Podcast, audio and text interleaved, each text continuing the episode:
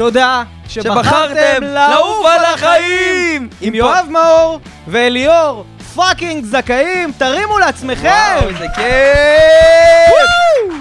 וואו, וואו, וואו, וואו, וואו, פרק 50! איזה כיף לפגוש את האנשים שהם חלק מהפודקאסט הזה, שהם המשפחה הגדולה הזאת. בלעדיכם זה לא היה קורה, היינו יכולים לדבר לאוזניות ריקות או לכיסאות ריקות, אז כיף גדול שאתם פה איתנו.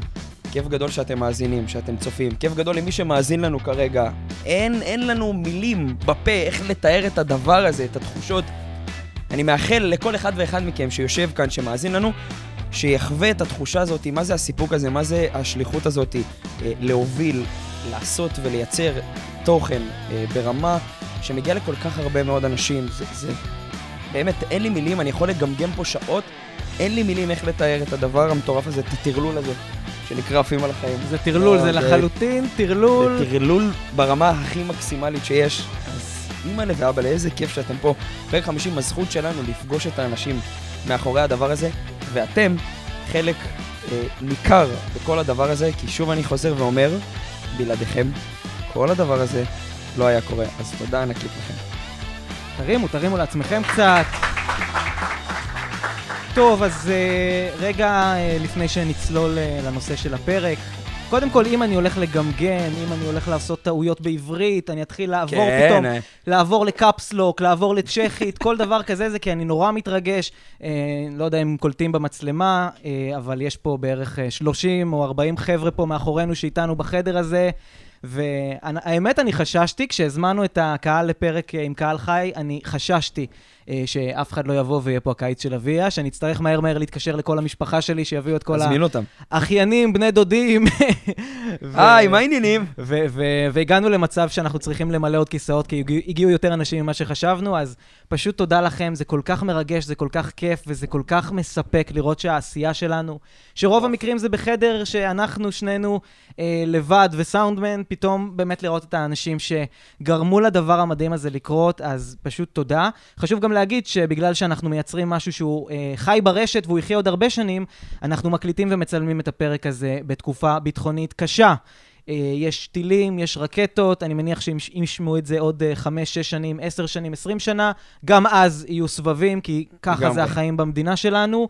אה, ובכל זאת, אנחנו נמצאים בעיצומו של סבב. אה, היה עכשיו, הבנתי, איזושהי פגיעה אה, לא, לא קלה בבית. אה, והעובדה שעדיין אנשים פה עשו דרך מדהימה, וחלקים פה באו מהקריות ומהדרום ומהצפון. מטורף. ו- פסיכי. זה כל כך מוערך, זה כל כך מרגש, שבאמת אני... אין, אין מילים בלקסיקון כמה אני מודה לכל אחד ואחת מכם, אז באמת, תודה. וזה תקף גם לא רק לאנשים שפה פיזית, אלא לכל מי שמקשיב, מקשיבה לנו כרגע, שאתם חלק מהדבר הזה, בין אם אתם עוקבים קבועים שרק מחכים לנוטיפיקציות של היוטיוב, ובין אם אתם אה, אה, נכנסתם לפה פעם ראשונה כי איזה חבר שלח לכם לינק. פשוט תודה לכל מי שנמצא ונמצאת פה. לגמרי. חשוב להגיד שגם אנחנו מחזקים את כל תושבי הדרום, שולחים להם חיבוק ענק, ענק, ענק, ענק מרחוק, עם כל, כל האמצעים שאנחנו יכולים אה, להיות איתם בתקופה הזאת, לחזק אותם ולשלוח להם את הבשורה הזאת. אז אנחנו יודעים שאתם עוברים תקופה לא קלה, אז ליבנו איתכם, והלוואי וכל המצב הזה יירגע, ונחווה תקופות טובות יותר. אמן. אמן. טוב, אז uh, ככה, לפני שנצלול לנושא של כן! הפרק, ויש נושא מאוד מאוד מעניין, כל הדבר הזה שקורה פה התחיל באמת במקרה, יכול להיות שחלקכם שמעתם את הסיפור, uh, אבל uh, בעצם מה קרה? מה שקרה זה שהמשרדים של אליאור ושלי היו ממש צמודים אחד לשני, לפני שהחברות של שנינו גדלו, בעזרת זה שמסתכל פה על הכל מלמעלה, ובאמת הוא פשוט... הלכתי להביא סודה, נכון? אני לא, זוכר, הסתובבתי אני בשעת- לא זוכר איזה סוג שתייה זה היה. שעת לילה מאוחרת. אני זוכר את המטרה שהייתה לי מול... אז שעת לילה מאוחרת, הלכתי במשרד, אה, זה היה מתחם משותף כזה, אה, להביא סודה, וליאור פשוט זורק לי, היי, אני מכיר אותך, כי הוא זיהה אותי, ממה זיהית אותי בכלל? מאח הגדול לפני מאח 12 הגדול? שנה? וראיתי את החברה שלך מתעסקת בשיווק, ב marketing, בשיווק, בטיקטוק, בטיקטוק.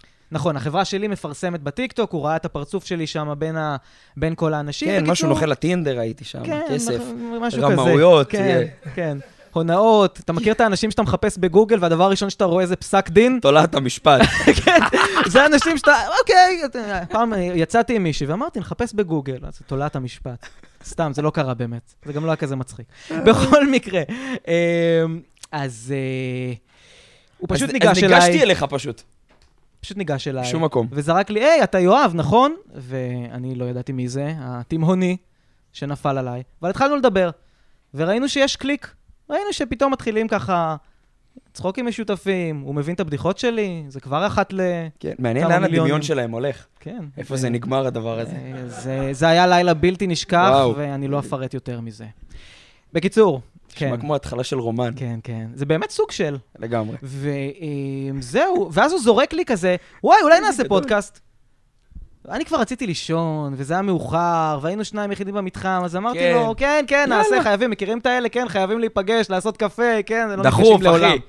לעולם. הדרך, דרך, דרך אגב, יש מישהו שאתם רוצים להוציא אותו מהחיים שלכם, לא לראות אותו לעולם, תגידו לו, דחוף חייבים קפה. חייבים כבר כן. לשבת קפה. אתם בוואטסאפ. לא, לעולם לא תיפגשו. אז uh, אמרתי לו, כן, נעשה פודקאסט. ואיכשהו קרה שגם במקרה הכרתי מישהו שהתחיל להקליט פודקאסטים וזה, כי לי לא היה מושג בזה, גם לא הכרתי פודקאסטים. פשוט שלחתי לאותו בחור, יוראי, זה שלא נמצא כאן איתנו כרגע, הוא חי, הוא בריא, הוא פשוט לא יכל להגיע היום. ושאלתי אותו, תגיד, אתה מקליט פודקאסטים, נכון? והוא אמר לי, כן. שאלתי אותו, כמה עולה? אמ, והוא נתן את, יהודי ה... טוב. את הסכום, שהיה בזמנו נמוך משמעותית ממה שהוא היום, כי הכל כן. התייקר, גם הפודקאסטים, אנחנו צריכים מסתבר. לדבר על הדבר הזה. ו- יוראי, אם אתה שומע את זה. כן, כן. אמ, תעשה, תעשה מחיר.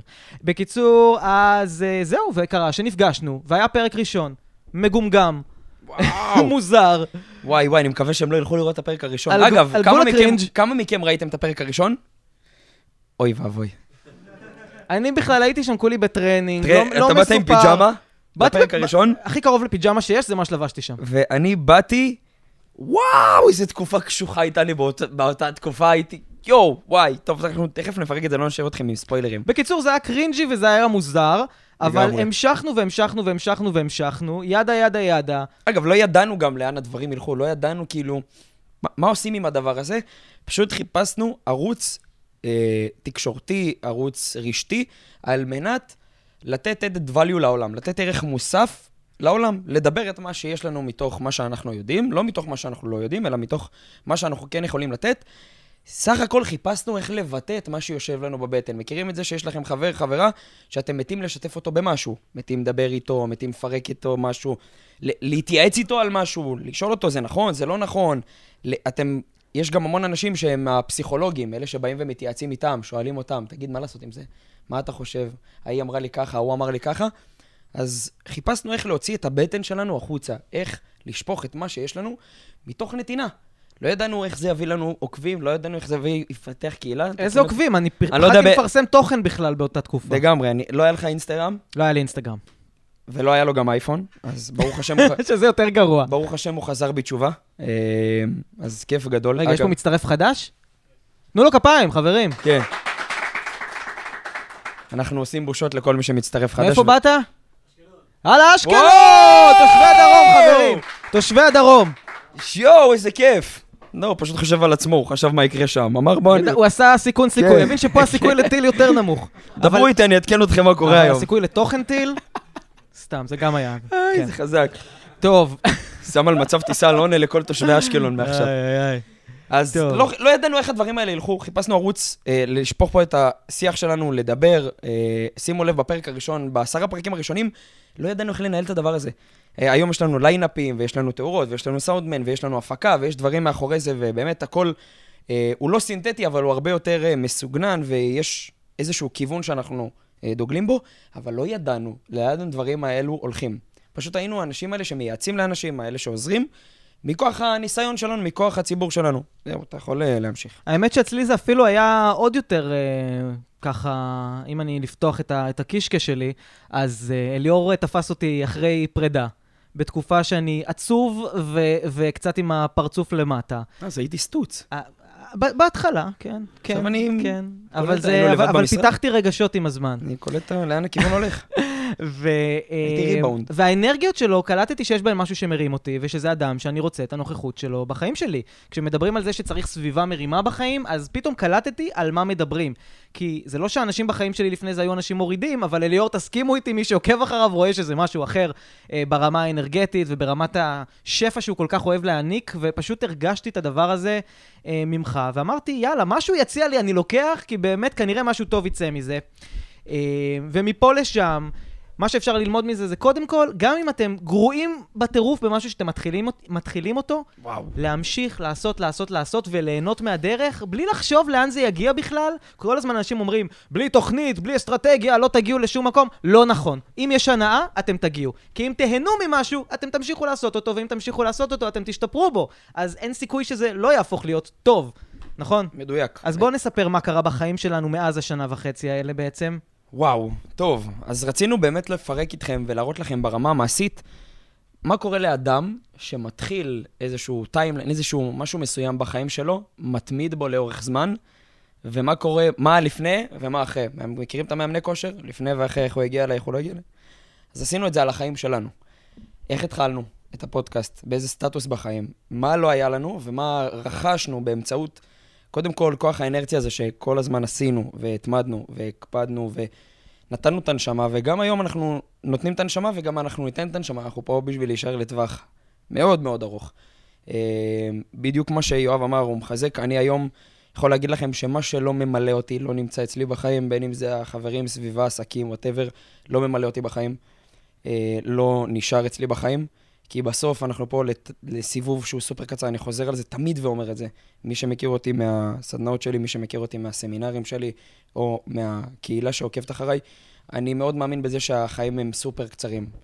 אה, חוויתי ילדות סופר קשה, אני לא ארחיב את זה פה כי זה לא המטרה, אבל כשאתם רואים שאנשים מולכם, אנשים קרובים אליכם, חולים במחלות, הולכים לעולמם, מבחינתי אלו שיעורים שאנחנו רואים שלא משנה מה החיים הם סופר קצרים. היום אנחנו בני 20, מחר זה 30, מחרתיים 40, 50, 60, זיכוי ציוד, ויאללה, לגלגול הבא.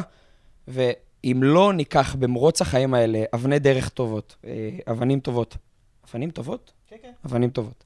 אה, כלים נכונים, ונהנה גם מכל התקופה הזאת שנקראת החיים, מבחינתי לא עשינו מספיק. Uh, הדברים שלי בלטו מאז שהתחלתי את הפודקאסט, אז קודם כל, היה לי חלום מאוד גדול, uh, זה לעבור לגור במושב. זה היה חלום, uh, בין. חמשת החלומות הכי גדולים שלי. אני תמיד אומר שאין דבר כזה חלום, אלא מטרה, ובכוונה אני אומר חלום, כי כשהתחלתי את הפודקאסט, דיברתי עם יואב על זה שיש לי חלום, ואז הוא נרמל לי את זה שזה לא חלום, זו מטרה. לך תראה בתים, לך תנרמל את זה בדיוק כמו שיש לנו פרק על איך לזמן שפע לחיים. ממש הלכתי וראיתי בתים. איך אני רוצה לחיות במושב, זה ממש סקרן אותי. ראיתי שיש שם שקט נפשי. אה, באתי ממקום של רעש ותחבורה. אני, את הילדות שלי עברתי בדירות עמידר, אז גרתי על תחנות אוטובוס עם ריח של פיח ומלא בלאגנים, ותרנגולות הודו רצות לך בין הרגליים, ושכנים שדופקים לך בדלת עם התחתונים, עם המכתב של הארנונה הגיע אליהם. פרק של סדרה של, של שלום עשהאל. בול. אה, אז אחד הדברים הטובים שקרו לי בחיים, זה עברתי לגור במקום שבו חלמתי, ואני מודה על זה כל יום. אחד הדברים. אתם יכולים למחוא כפיים, זה בסדר גמור. כן, כשאתה לומד עמידה מול קל, אתה לומד גם לשחות, זה חלק ועוד דבר. היה עוד המון דברים. אז פרק ראשון, זה היה הפרק הראשון שהתחייבנו אל מול אנשים? כן. אתם זוכרים את ההתחייבות שלי בפרק הראשון? מישהו זוכר משהו? לא, לצאת לבר זה יואב. הנה, הנה, הוא- אני- אני- אני עבדתי בהפקות מסיבות, הייתי ביותר מדי ברים בחיים. הוא זכר, הוא זכר. בול. חבר'ה, יש מבחן, זה ב... כן, כן, אתם לא... זה במתכונת. לגמרי. אמ, אני לא יודע מי מכם פה בעל עסק, או יש לו אפילו ילד או ילדה, ולהציל סמכות על משהו שהוא נולד לך, על משהו שהוא קיים לך פעם ראשונה בחיים, זה אחד הדברים הכי קשים. אימא? אז אימא תסכים איתי, את יכולה ללמד פה את כולנו. כפיים. לאילנה שבאה עם הבת שלה. לא מובן מאליו. לא מובן מאליו. את מזכירה לי אימא שהייתה בסדנה, הסדנה האחרונה שלי עכשיו, והיא ישבה אצלי בסדנה, ואני מדי פעם עושה סשן עם אימונים מנטליים כלכליים בתוך הסדנה, והיא אומרת לי, החלום שהגעתי לפה זה על מנת אה, להקנות לילד שלי את מה שאני לא קיבלתי. כן, היא באה להקנות ל- לילד שלה מטרה, בית. ואצלי, אני תמיד מקבל ילדים הפוך, כאילו הם רוצים להורים, הם רוצים להורים, אז שאפו ענק. והלוואי ו- ותעורר כמה שיותר השראה בהורים, כי יש פה אנשים שיושבים שההורים שלהם אפילו לא יודעים איפה הם היום. מי מכם שמכיר את זה. אה, גם, גם אימא שלי עד היום לא, לא תצליח כל כך להבין, ההורים שלי לא מצליחים להבין כל כך מה אני עושה. רואים את התכנים וזה, מגניב. מדי פעם אני לוקח אותם קצת, ואנחנו יוצאים, אז מזהים אותי קצת ברחוב, אבל הם עדיין אה, מתים שאני אעבוד בחברת חשמל, או משהו, משהו שמקבלים עליו איזשהו קרן השתלמות אחרי כמה שנים. מה, מסדר מדפים בשופרסל. או שופרסל בדיוק, אבא שלי עד היום אה, מנסה להכניס אותי למחסן בסניף ארלוזורוב בתל אביב. תמיד יש שם אה, תנאים טובים, אז שאפו ענק. אז איפה הייתי? שהתחלת להביא עובדים אה, ולהציל כן, אז היה לי הצלת סמכויות. סמכויות. אז שנה וחצי אחורה, אני, אני לא, לא הכרתי יותר מדי את עולם הרשתות. הכרתי פה ושם, הייתי מעלה תוכן, אתם יכולים לגלול למטה, וכל הפעילות שלי הייתה פה לאוזן, ואנשים שאני מכיר, הייתי מקבל לקוחות, היה לי את העסק, יש לי רשת חנויות חיות, אני מכיר את העולם הזה. ולא ידעתי איך להציל באמת את הדבר הזה, את כל הביזנס שלי, להעביר. בום, קח, תתחיל לנהל את הדבר הזה. להביא את המנכ"ל הראשון, את החלוץ דרך הראשון, שיוריד ממני את הכל. הייתי מאוד אוהב לעשות הכל, לטפל בלקוח ולדבר איתו, ולהנגיש לו את המידע, ו- ו- ולה- וללוות אותו, ולשאול אותו אם הכל בסדר. והיה לי את החשש הגדול הזה, אני לא יודע אם מי מכם הוא בעל עסק, או שהוא מזדהה עם הבעיה הזאת, או שהולך לקרות... כי תהיה הבעיה הזאת לכל בעל עסק שיושב פה, או לכל אימא, או אבא, או אח גדול. והיה לי משימה להביא עובד, אז התחלתי להביא את העובד הראשון, היום הוא כבר לא איתנו, לפני שנה הוא כבר לא איתנו. אה, ברוך השם, למדנו מזה המון. והיום אנחנו צוות, אה, רק בחברה הזאתי, אנחנו צוות של תכף 16 עובדים. וזה... הכל בזכות הפרק הראשון, שלקחת על עצמך התחייבות להביא את אחד העובד הדברים הראשון. הכי טובים שקרו לי בחיים, ואנחנו מדברים על זה המון, ההתחייבות הזאת. תבינו ששחררנו פרק לאוויר, שאם לא היינו עושים אותו, זה איך אתם יכולים לנרמל את זה לעולם שאתם בעצמכם לא עושים. אז הזכות היא, ש... הזכות היא שלי להתחייב מולכם, ואני מבקש מכם שהיום תצאו, אתם לא חייבים בפני אנשים, אבל תתחייבו אל מול עצמכם עם איזשהו משהו שאתם רוצים להשיג, זה יכול להיות עוד אימון בשבוע, או לשתות יותר מים במהלך היום, או להיכנס קאבה. לזוגיות, או קאבה, לשתות יותר קאבה. שולחים לך סלפי שיכורים, אני עומד במשימה. טוב מאוד. אה, או להיכנס לזוגיות שאתם רוצים, או, או להתלבש יותר יפה, קחו לעצמכם משהו, ותראו שתוך חצי שנה, שנה, בסוף, ההצלחה היא, אין הצלחה מהירה. זה, זה, אני מאוד אוהב להגיד, יש לי משפט שאני מאוד אוהב, אני אוהב לרוץ ספרינט בחיים, אבל בתוך מרתון.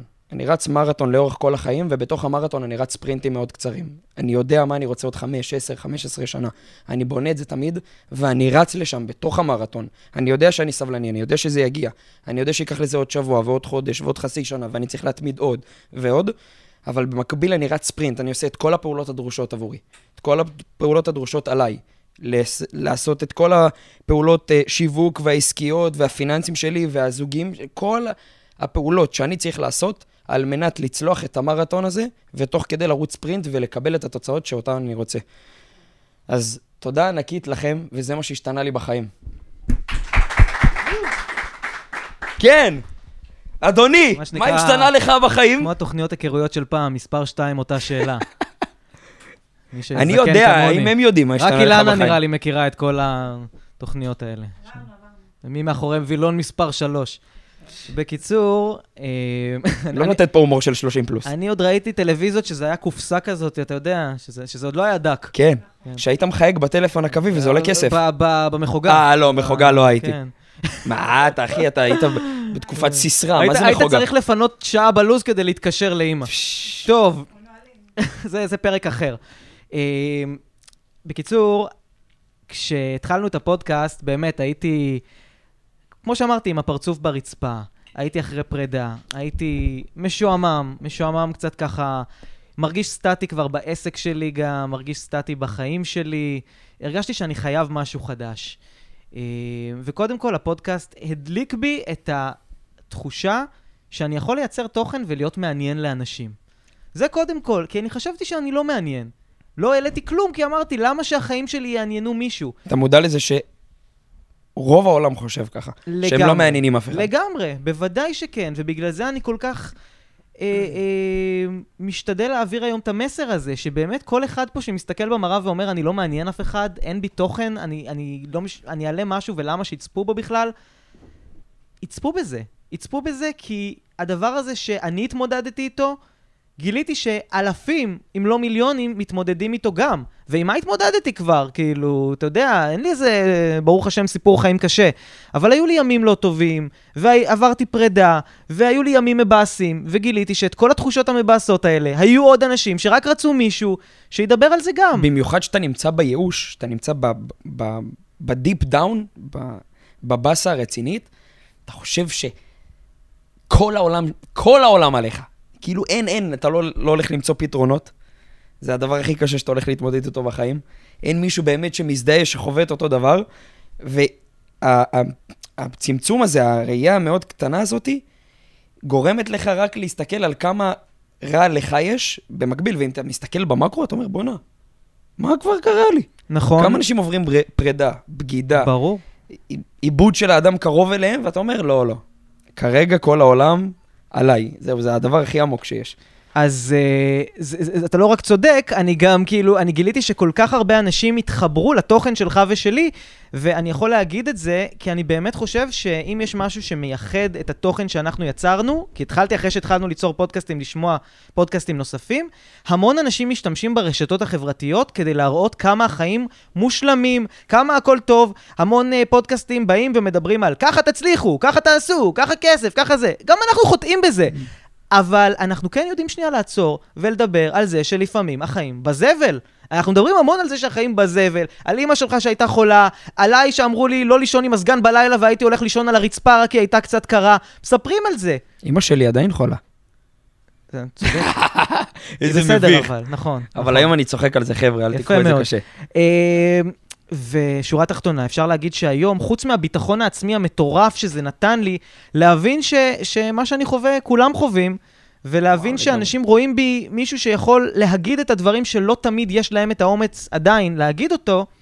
אה, חוץ מזה, גם קרו פלאים כלכליים בחיים שלי. החברה שלי נרכשה בעצם, אה, חצי ממנה נרכש על ידי משרד גדול. וואו! שזה מדהים. אה, וואו, איזה ו- כיף. מה כן. קורה- מה קורה לך באותו רגע שמודיעים לך? אנחנו רוצים לקנות אותך. לא, אני אסביר לכם רגע בשפה זה לא עסקית. קורה ככה, זה לא קורה ככה, אה, זה אוקיי, זה לא לא קורה טלפון ככה. והחיים משת... זה לא עובד, זה לא הראלה אבל למען- מהפיס. למען הסדר הטוב, מי שיושב פה ולא יודע מה זה אומר, קונים אותך. תן להם בריף בשורה וחצי. זה אומר שיש חברה גדולה שרואה בחברה שלי מישהו, ש- אה, אה, גוף שיכול לעזור לה להשתפר במקומות שהיא יותר חלשה בהם. ואז נכנס העניין למשא ומתן הכספי, שהיה לא שיחת טלפון קצרה, הוא היה כמעט שנה. אה, אבל זה קרה בסוף, והיום אני מרגיש אה, אה, ש, שגדלתי ולמדתי והתפתחתי ברמה העסקית כתוצאה מהדבר הזה, וזה משהו שמבחינתי הוא זכות ענקית אה, אה, לחוות את האבן דרך הזאת. אבל הדבר היותר מעניין הוא שבעצם נכנסה לחיים שלי זוגיות, ושהיא אפילו יושבת פה. אז... אה, שיר, אנחנו עפים עלייך. אז אה, שיר שהיא החיים שלי ואני אוהב אותה, ובאמת, ואני חושב ש... יואו, איזה כיף אני זה. כל הזמן אומר לה, יכלת למצוא משהו כל כך יותר טוב, יואו! אבל אה, מה שנקרא, אני נהנה, ו- ואני מקווה שהיא לא תשים לב. אז היינו אמורים להפסיק את הפודקאסט, זהו, הרומן בינינו נגמר. אה, לא, היא מרשה... אחרי הפרק הזה אנחנו לא יודעים איך היא ממשיכים. מרשה לי רק איתך, אתה מכיר את זה שיש אוקיי. דיל כאילו שמותר כן. אחד? מכיר את כן. הניואנס, בסדר. כל עוד זה מסודר, אז הכל טוב. זהו, וקרו עוד המון פלאים, אבל אנחנו, האמת, לא כאן כדי לדבר רק על הדברים הטובים, ואנחנו לא הזמנו לפה אנשים כדי לדבר על uh, כמה שהחיים שלנו טובים וכדי שירימו לנו. לגמרי. למען האמת, הפרק הזה הוא בכלל בסימן הצהרות שהגיעו עם ההצלחה. הם יודעים את הקונספט של מה שהולך להיות פה עכשיו בפרק? לא, וואו, אוקיי. אוקיי, מעניין. אבל הרעיון הוא כזה, um, כמו שאמרנו, אנחנו לא אוהבים רק להגיד אה, לאנשים איך לחיות ואיך, uh, מה לעשות בחיים, ותקומו בחמש בבוקר ויהיה לכם מלא כסף. זה לא, לא יהיה פה התוכן מהסוג הזה. מה שיהיה פה זה שנספר לכם שעם הצלחה גדולה, וכל האנשים שנמצאים פה כנראה נמצאים כי הם רוצים אה, אה, לקבל משהו לחיים שלהם, לינוק אה, קצת תוכן, כמו שאתם עכשיו איתנו. אני מניח שאתם גם הולכים להרצאות ושומעים פודקאסטים וקוראים ספרים, ואתם רוצים לקדם את עצמכם בחיים ולקחת את עצמכם הכי רחוק שאפשר. ואני יודע, אני גם מכיר חלק מהאנשים פה, ואני יודע שאתם כאלה, ולכן אנחנו כאן כדי להזהיר אתכם שיחד עם ההצלחה שלכם, והיא תגיע, כי אתם מחויבים אליה, ומחויבות זה תמיד הכי חשוב. אה, וזה מה שיש, ל, ל, שאין לרוב האנשים שרוצים להצליח, המחויבות להתמיד. יחד עם זה גם יגיעו צרות מאוד מאוד גדולות, כי ככל שההצלחה יותר גדולה, ככה הצרות יותר גדולות. אה, אז אנחנו נספר לכם וניתן לכם פה טיזרים ופרומואים לצרות שהולכות להגיע אליכם בחיים, ואתם לא אמורים לפחד מזה, רק להיות מוכנים וערוכים. וחדשות טובות, אנחנו גם נגיד איך להתמודד איתם ואיך אנחנו מתמודדים עם הצרות האלה. לגמרי. טוב, אז אה, מי יתחיל? אתה. אוקיי. אתה תמיד מתחיל. על הכיפאק. לא, אנחנו עושים. עליך את הטסט, עובד, אני מתחיל. סבבה, אני. השפע ניסיונות. בדיוק. לא עובד, אנחנו עוברים לנושא הבא. אז הדבר הראשון שאתם תגלו כשת, כשתתחילו להצליח בחיים שלכם, בדברים שחשובים לכם, זה שלכל אחת ולכל אחד יש מה להגיד. אבל אם אתם מקשיבים לי כרגע ומה שאתם אה, שומעים זה, בסדר, אז user 345667 בטיקטוק יכתוב עליי משהו, אני לא מדבר על האנשים האלה, אני לא מדבר על מגיבי נאצה ברשת, אני לא מדבר על כל מיני תימהוניים אה, שיגידו עליכם דברים כאלו ואחרים, אני לא מדבר על טוקבקים במאקו. אני מדבר על אנשים קרובים אליכם שאתם מכירים היום, ואולי אפילו אתם אוהבים אותם, ואולי אפילו אתם יוצאים איתם לבירה כל שישי, שפתאום יתחילו לפתוח עליכם עין. אנשים שיהיו, שהיום קרובים אליכם, יתחילו לראות בעין לא כל כך יפה את זה שאתם מצליחים יותר מהם לאט לאט. כי אנשים, כשאתם הייתם צעירים, היו איתכם בסטטוס מסוים. אם זה אנשים שלמדו איתכם, היו איתכם בצהרון אה, שולה, או צהרון נאווה. זה תמיד או זה או זה, אני לא מכיר אה, צהרונים אחרים. וואו. זה רשת, זה, זה כמו קרפור. פותחים צהרון שולה בכל הארץ, 50 סניפים. אתה יודע מה אני זוכר מצהרונים? Mm. ריח של כביסה. אני זוכר ריח של אה, פתיתים. וואו, גם ריח של פתיתים זה חזק מאוד. פתיתים וכביסה, מהול כזה וואו. ביחד. ושמו מבשם במשרדים של הכביסה. איזה משרדים? איפה היה ב- משרדים? ב- באיזה צהרון ב- יש משרדים? בהכשרת היישוב, בהכשרת היישוב שמו בלובי אה, בלובי. מבשם כביסה. נכון. וכל פעם שאני נכנס, אז היה, אני משתף רק אתכם בזה. נכנס, ואני מדמיין שהמנהלת אה, קבלה שם בלובי, זו הגננת, לא, נו. בחיי. וכל פעם אני נכנס וחוזר לגן. אתה יודע, אומרים יש שם ריח שריח... של כביסה מדהים. למה תעשיית הבשמים מצליחה? כי אומרים שריח זה מה שנותן לך את הזיכרון הכי חיובי. הכ- הכ- שהכי מחזיר אותך וואו. למקומות. אתה יודע שהייתי מתווך, מה הייתי עושה שהיו באים לקנות דירה? מפזר אה, בושם. מה אמרתם? בושם זה היה נחמד, היינו אופים עוגה. אה, תחושה של בית. יפה. יפה. בואנה, את באת מנדל"ן? חזק. וואו. תגיע אליי לראיון גם בשבוע הבא. יפה. אז- לגמרי, אז עושים עוגה, עושים משהו שהוא ביתי, ואז אתה נכנס שם יפה. והנה הבית החדש שלכם, יפה. והם עוד לא חתמו על ההסכם. אימצתי, אימצתי. כל פעם שאני עושה פדיחה מאוד מאוד גדולה וחברה שלי שיר. להגיע הביתה, מהר מהר עוגת הבית, כי לבשל אני לא יודע.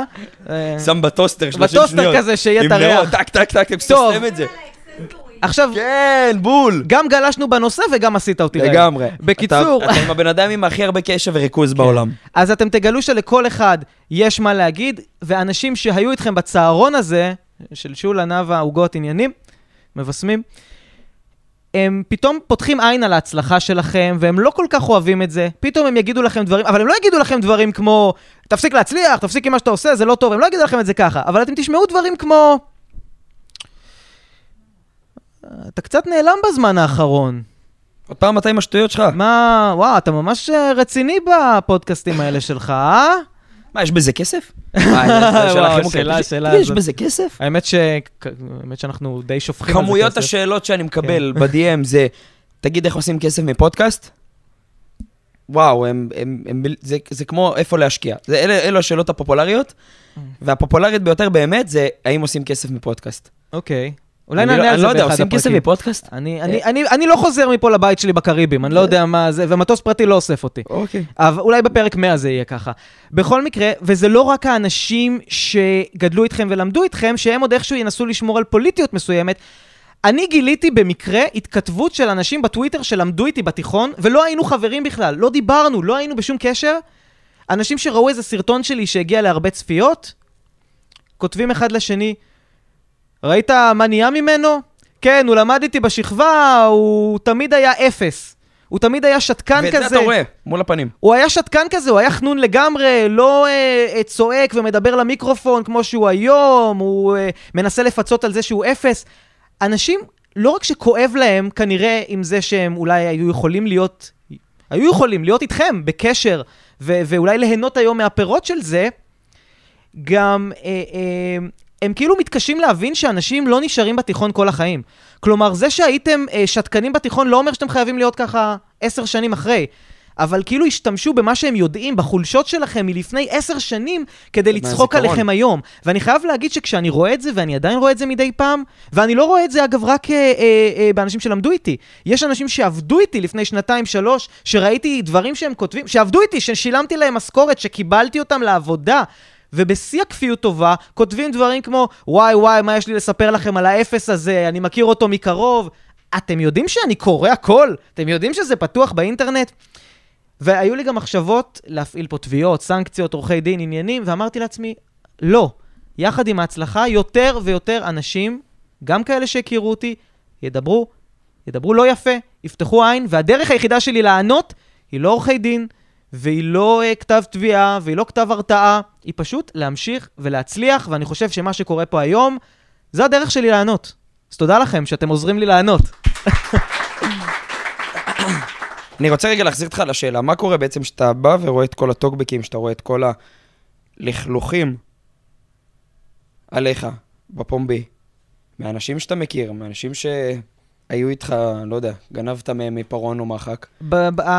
התגובה הראשונה היא תגובה גופנית. הלב מתחיל לדפוק, מכירים את זה? ש... אה, חשבתי אתה מרביץ למסך. לא, לא. אוקיי. אני מאוד אוהב, אני השקעתי בציוד מאוד יקר. כן, אני יודע לעצור מכיר את את עצמי. הציוד. כן. והלב מתחיל לדפוק, מתחילה זיעה קרה. ואז אני צריך לעצור את עצמי. ופה, זה התפתחות אישית דרך אגב, כי. כי בן אדם שאין לו את הכלים, יכול להיות היה משתגע, מתחיל לעשות טלפונים לכל העולם, אה, זה, להפעיל עורכי דין, לבזבז את כל הכסף שלו רק כדי לשרוף אותו במשפט.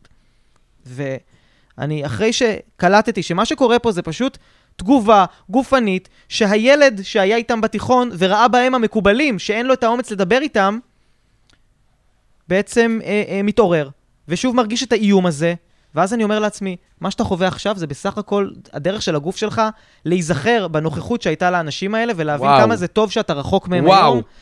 והדרך שלך תהיה פשוט להמשיך, להיות בשקט. תחשוב שעוד שנתיים, שלוש, עשר שנים, אתה כנראה תהיה אפילו במקום יותר טוב, במקום יותר רחוק. ולכן אני לא יכול להתחיל לענות לכל בן אדם, כי, כי פשוט יהיו בלי סוף כאלה. ואתה יודע, יש משפט שאני מאוד אוהב, את האריה לא מעניין מה הכבשים חושבות, אז ממש ככה, וזה מה שאני מזכיר לעצמי כל הזמן, וזהו.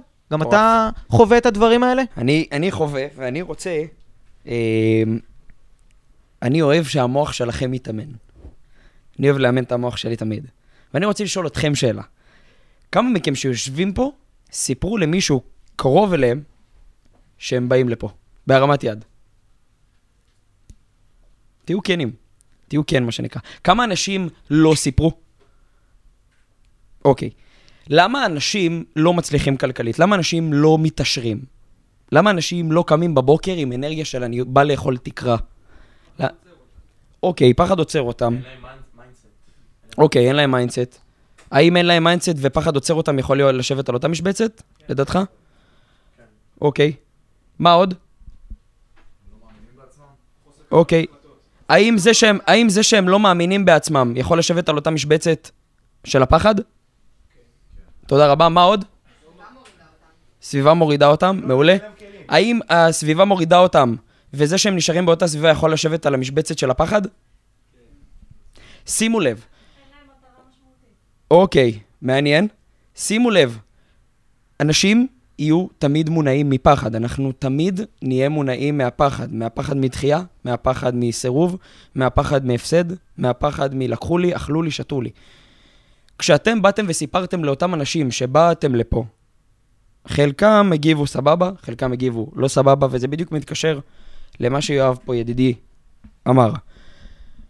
ברוב המקרים, אנשים לא יאכלו את מה שאתם רוצים לעשות אף פעם בחיים. גם אם תרצו לצאת היום לבר, ולאותו אדם בצד השני זה לא מתאים, הוא לא יאכל את זה. מה זה לא יאכל את זה? ברמת ה... ברמת, בשפת ההתפתחות זה נקרא שיקוף. בעצם ייצרתם לו שיקוף אל מול עצמו. משמע אומר, כשאני הולך לבן אדם ואני אומר לו, תקשיב, אני הולך להיות עשיר. תרצה, לא תרצה, אני הולך להיות עשיר. אותו, באותו רגע, אותו לא מעניין אתם. מי הבן אדם היחידי שמעניין אותו? הוא עצמו. זהו, זהו, זהו. באותו רגע נעצר לו העולם, בום. המוח שלו אוטומטית סימן לו איתות. קבל אזהרה. קבל איתות פחד. מה הפחד? אתה הולך להישאר במקום, ידידי. בוא, בוא רגע נוריד את הרוחות, בוא רגע נקרר את המצב, מה זה שנקרא. כמו שאומרים הרבה פעמים, שכשאתה אומר למישהי, בואנה, איזה יפה השחקנית הזאתי, מה שהיא שומעת זה, איך את לא יפה. בדיוק. עם שיר זה לא ככה.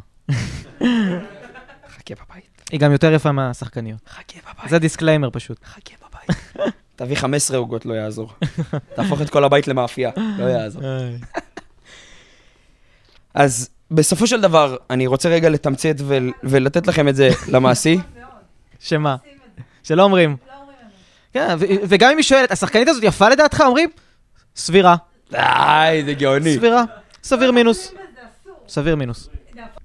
בסופו של דבר, רוב ה- הקרובים אלינו ייצרו שיקוף. תמיד אל מול עצמם. באמת, אנחנו לא מעניינים אף אחד.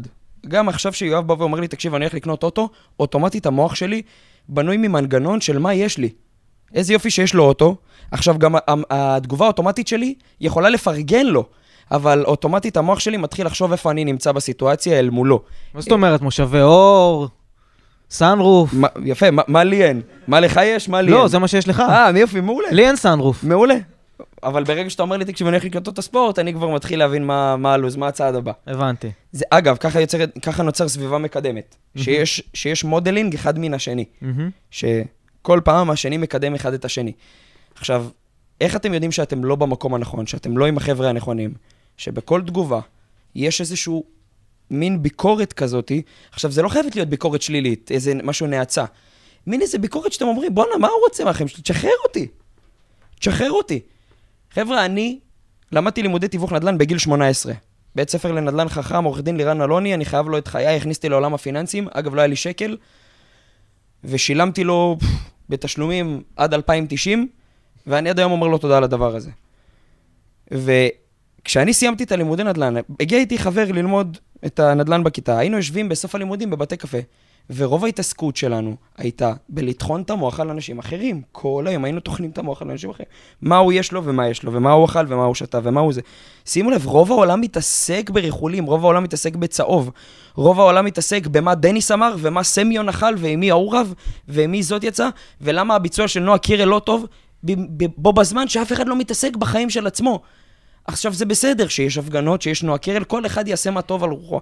אבל כשאני בא ומודד את עצמי אל מול החיים, כשאני בא ואומר, טוב, היום אני בן 24, ואני רוצה להגיע עד גיל 30 לאיזשהו רף מסוים בחיים שהצבתי לעצמי, יכול להיות אישי, פיננסי, זוגי, עסקי, רוחני, לא משנה מה.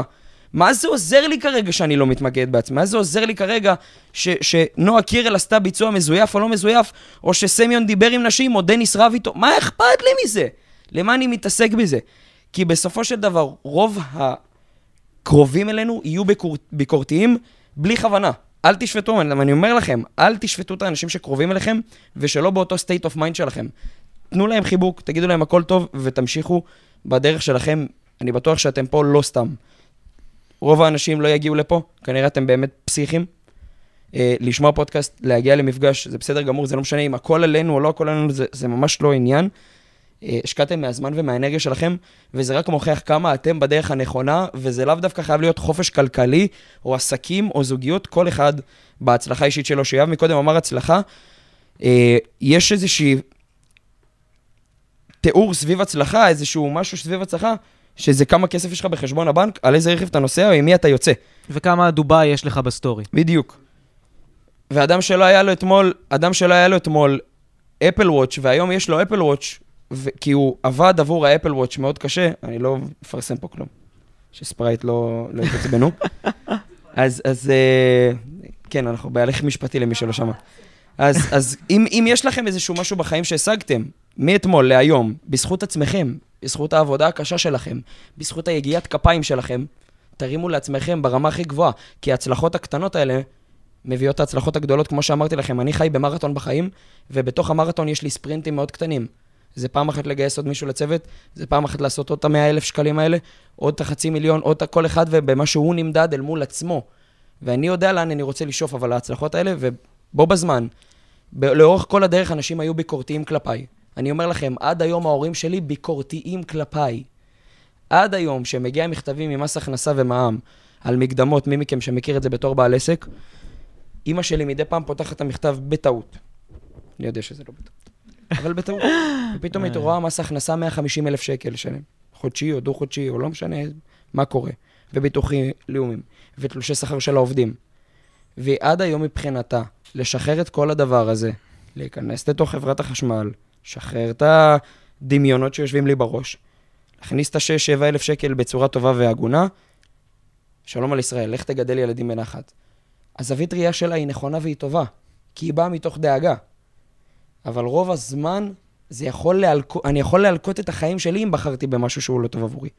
אז אם אתם מתייעצים עם אנשים ומקבלים מהם ביקורת, וניזונים מהביקורת ומכילים אותה, תהיו בטוחים שעוד שנה, שנתיים, שלוש פשוט, יכול להיות שאו האדם הזה ייעלם לכם מהחיים, או שאתם תשאלו למה לא עשיתי את מה שהייתי רוצה לעשות, או ניסיתי אפילו. זה ממני אליכם. אפשר רספקט, להמשיך. רספקט. אתה דיברת על זה שאתם ישבתם ורק ריכלתם כל היום. מדויק. וזה לוקח אותנו גם... קפה שקט ברמת חן, וואלה. שמכיר. יפה. זוכר את הבית קפה, זוכר את מה היינו מזמינים? את השולחן הספציפי שבו הפוך. ישבתם ועל מי ריכלתם. הפוך, עם קורסון שקדים, מבלבלים את המוח. אחי, מבלבלים את המוח. אגב, ככל שהייתי מדבר על אנשים יותר, ככה הגעתי למצב שאני יותר ממורמר. קם בתסכול. למה? מה היה קורה? כל הזמן הייתי מייצר ביני לבין אותם האנשים פער, וכל פעם הייתי מרחיב אותו. אין, תראה אותם, תראה אותם, תראה אותם. ואז מה, מה זה אומר עליי? אני מקטין את עצמי כל הזמן. רוב האנשים שמרכלים על אנשים אחרים כל הזמן דואגים להקטין את עצמם ולייצר פער משמעותי, בו בזמן שאנשים שמרוחלים, שמדברים עליהם, לא מתעסקים בזה בכלל. הם זה לא מלמד- יודעים. זה לא רלוונטי עבורם, זה לא מעניין אותם. זה בדיוק הנקודה שבה, כמו, כמו שדיברתי, שאני יושב ורואה אנשים אחרים מדברים עליי כשהם לא יודעים בכלל בדיוק. שאני נוכח ב- בשיחה ו- ואני זבוב על הקיר. לגמרי. בכל מקרה, אז אה, זה, זה בדיוק העניין. כשאנחנו מתחילים להצליח, כשאתם תתחילו להצליח, אז אתם תראו לאט לאט שהאנשים שהיו בחיים שלכם, כבר לא כל כך בא לכם להיות איתם, כי אתם תתחילו להבין, הרדאר הזה שלכם לאנשים, אני אומר אגב, זה במרכאות, קורה פה למישהו? סליחה שאני קוטע. זה קורה פה למישהו שהוא מרגיש שהרדאר שלו מצטמצם? איך השם? יובל. יובל. קודם כל תנו יד ליובל. שאפו על האומץ. רוצה לשתף? מרגיש את זה ביום-יום? אז ככה, אני כאילו, בתכלס בחרתי שהם עשו עתודה, אז בניין וזה, קודם כל שיהיה המון המון המון בהצלחה. ספקט. זה דבר ראשון. אז חברים שלי כולם בצבא וזה, עכשיו, אני מכיר אותם מגיל הזין. אה, וואו, איזה קשה. גם אני רואה את ה- הפערים שלה, כאילו גם הקו המחשבה, גם הקו של ההתפתחות, נגיד, כאילו מבחינת סתם, עסקים כאלה וכל זה. והיא, כאילו, עם הזמן, אני פתאום, או שאני עם חברה שלי, או שאני סתם, כאילו, אני לומד, דברים כאלה. ואתה, אתה, אז ככל שאתה תתקדם, וככל שאתה תתפתח, וככל שאתה תגיע למקום יותר רחוק במטרות שלך וביעדים שלך, אתה תראה לאט לאט שהאנשים שאתה מכיר מפעם, ואנשים שליוו אותך כל החיים, הם לא השתנו. האנשים האלה הם אותם אנשים, אבל פתאום הרדאר שלך יתחיל לקלוט דברים שלא קלטת קודם. למשל, מה זה? למה הם לא מדברים התפתחות? מה זה? למה כשאני מדבר פתאום על mindset ודברים כאלה, הם אומרים, מה, מה זה ה-new age הזה? מה זה המושגים האלה שהתחלת לדבר? מה, התחלת להקשיב למנטורים? אתם מכירים את כל אלה שצוחקים על ה... כאילו, זה נכון שיש הרבה חרטא של מנטורים, אבל יש גם הרבה דברים שהם נכונים ואמיתיים מתחת לכל הדבר הזה. ואתה- כמה אני ואתה מזינים את המוח ב mentoring? ב- ב- 99 אחוז אני מהזמן. שבוע הבא, חבר'ה, אני אגלה, אני אגלה לכם בגילוי נאות, שבוע הבא אני נוסע לסדנה ארבעה ימים, אסור להכניס טלפונים לסדנה, סדנת נטו מנטורינג, נטו מנטליות ונטו איזשהו משהו שאני רוצה לשפר בחיים האישיים שלי, סדנה בכמה עשרות אלפי שקלים, אבל זה לא חשוב, כי זה לא מעניין אותי, זה השקעה. ואולי, אולי, ארבעה אנשים בחיים, חוץ מהצוות שלי כמובן שחייב להיות מעודכן, אולי ארבעה אנשים מהמעגל שאני חושב שזה רלוונטי בכלל לעדכן אותו, מעודכן בדבר הזה. ביום שלישי, מיום שני בערב עד יום שישי, אני אתאדם מהעולם. יכול להיות שאני אשתף את הסטורי, הלוואי ואני אצליח. אני אתאדם מן העולם לתקופה של ארבעה ימים. אתם יודעים כמה אנשים לא מודעים לזה בכלל? מה, מהסביבה הקרובה שלי? כי הם לא, יבואו ויגידו, השתגעת, אין לי טעם, התחרפנת. אין לי טעם, אני מסתכל גם על האנרגיה, תסתכלו על האנרגיה. יובל, שאתה משתף היום את החברים שלך בזה שאתה רוצה להתקדם בחיים, מה התגובות? מה, צריך את זה, דברים כאלה, כאילו, מה... כאילו, הכל כזה אנטי פשוט. איך אתה מגיב לזה שאומרים לך, מה אתה צריך את זה, מה אתה זה? מה, מה, מה עולה לך בראש? חשוב המיקרופון. בוא נחזור אחורה. יובל, שאתה שואל, שאתה אומר... הכל התחיל כשנולדתי כן, בשנת... יובל, בוא אה, נחזור אחורה. תחזיר אותי לכיתה ו'. אני פוגש אותך בהפסקה בבית ספר. סתם. כשאתה אומר לחברים שלך, תקשיב, אני הולך לסדנה, להרצאה, ל whatever, אני קורא ספר, אני הולך לאימון, whatever. מה, איך, איך התגובות שלהם? כאילו, תכניס אותי רגע לסיטואציה החברית. אני אומר לך מה, כאילו נגיד, החבר הטוב שלי, אז הוא כן, הוא, הוא מבין את זה, הוא לא שם, אבל הוא מכבד. והשאר? השאר הם כאילו מסתכלים עליי כאילו, כאילו השתגעתי. כן, כאילו חזרת בתשובה. כן, בול. שנייה. נעביר לך תכף את המיקרופון. לגמרי. וכשאתה מקבל את התגובות האלה, איך אתה מרגיש? בחוויה הפנימית שלך, לא מדבר חיצוני. לוקח הרבה אנרגיה פנימית, הרבה. הרבה אנרגיה, אבל גם... גם באותו זמן, אז אתה גם מבין שוואלה, אם גם לא אתה, אז... אני יכול לתת לך כלי? מדי פעם הם מנסים גם להוריד כזה, כאילו, עזוב את זה, תשחרר את זה? קח משפט שאתה פשוט אומר להם. מה נעשה? ככה זה. תזכור את המילה הזאת. מה נעשה? ככה זה. זה משפט שאף אחד לא יכול להתמודד איתו. מה, אתה הולך להרצאה? מה נעשה? ככה זה. תזכור מה אני אומר לך, אני אדד לך- אה, אני אדד לך בראש, מסיבה נורא פשוטה. קודם כל, תחשוב שאדם שנכנס לקונפליקט, אם מישהו ילמד פה משא ומתן, אז אתם תקבלו את הכלים האלה. כשאתה נכנס לקונפליקט עם בן אדם, מה, מה, מה אנשים מנסים לעשות?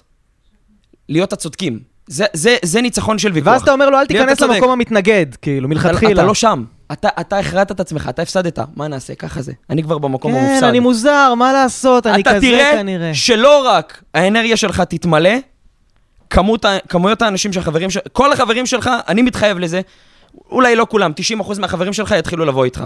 כי הם הבינו שזה לא משנה, אתה לא נכנס לקונפליקט מלכתחילה. אתה החלטת, אני הולך להצליח. זה גם- באלף, בית, גימל, דלת. סטו. זה מראה כמה הוא חזק ועוצמתי, שהוא אפילו לא צריך להיכנס לוויכוח, כי ה- הידיעה במה שהוא עושה, הביט- הביטחון במה שהוא עושה כל כך חזק, שזה יותר גובר על תחושת הניצחון בוויכוח. לגמרי. יובל, תודה ענקית. תנו לו כפיים.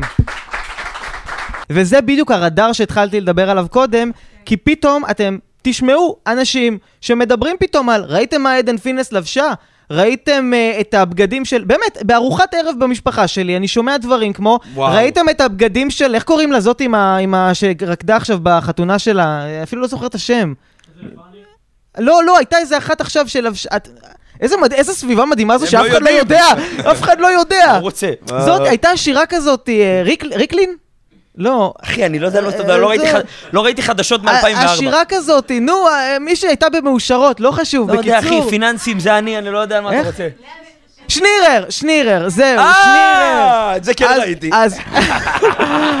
אז המשפחה שלי אומרת, מדברת חצי שעה שיחה על, על מה שנירר לבשה, ואני קולט עם עצמי, למה אני נמצא בסיטואציה הזאת בכלל? למה אני צריך לשבת סביב אנשים שמדברים? למה מישהי לבשה משהו ברגע נתון? מה אכפת לי? איפה זה מקדם את העולם? איפה שיחה על התפתחות? איפה שיחה על איך אנחנו הופכים את העולם למקום טוב יותר? איך אנחנו מקדמים את עצמנו? אפילו סתם, אני מעדיף שיחות של איך היה לך בעבודה. למה לדבר על משהו שמישהי לבשה? אבל לאט לאט החושים שלכם יתחדדו, כן, כן, ואתם טוב. תתחילו להתעצבן משיחות שעד עכשיו היו נראות לכם כמו משהו שהוא סבבה במקרה הטוב ומזמין במקרה הגרוע. הייתם רוצים את השיחות האלה, הייתם מנהלים אותם בכיף, ו- ו- ולאט לאט אתם פשוט תסלדו מאנשים כאלה, והחדשות הרעות הן שרוב האנשים נמצאים שם.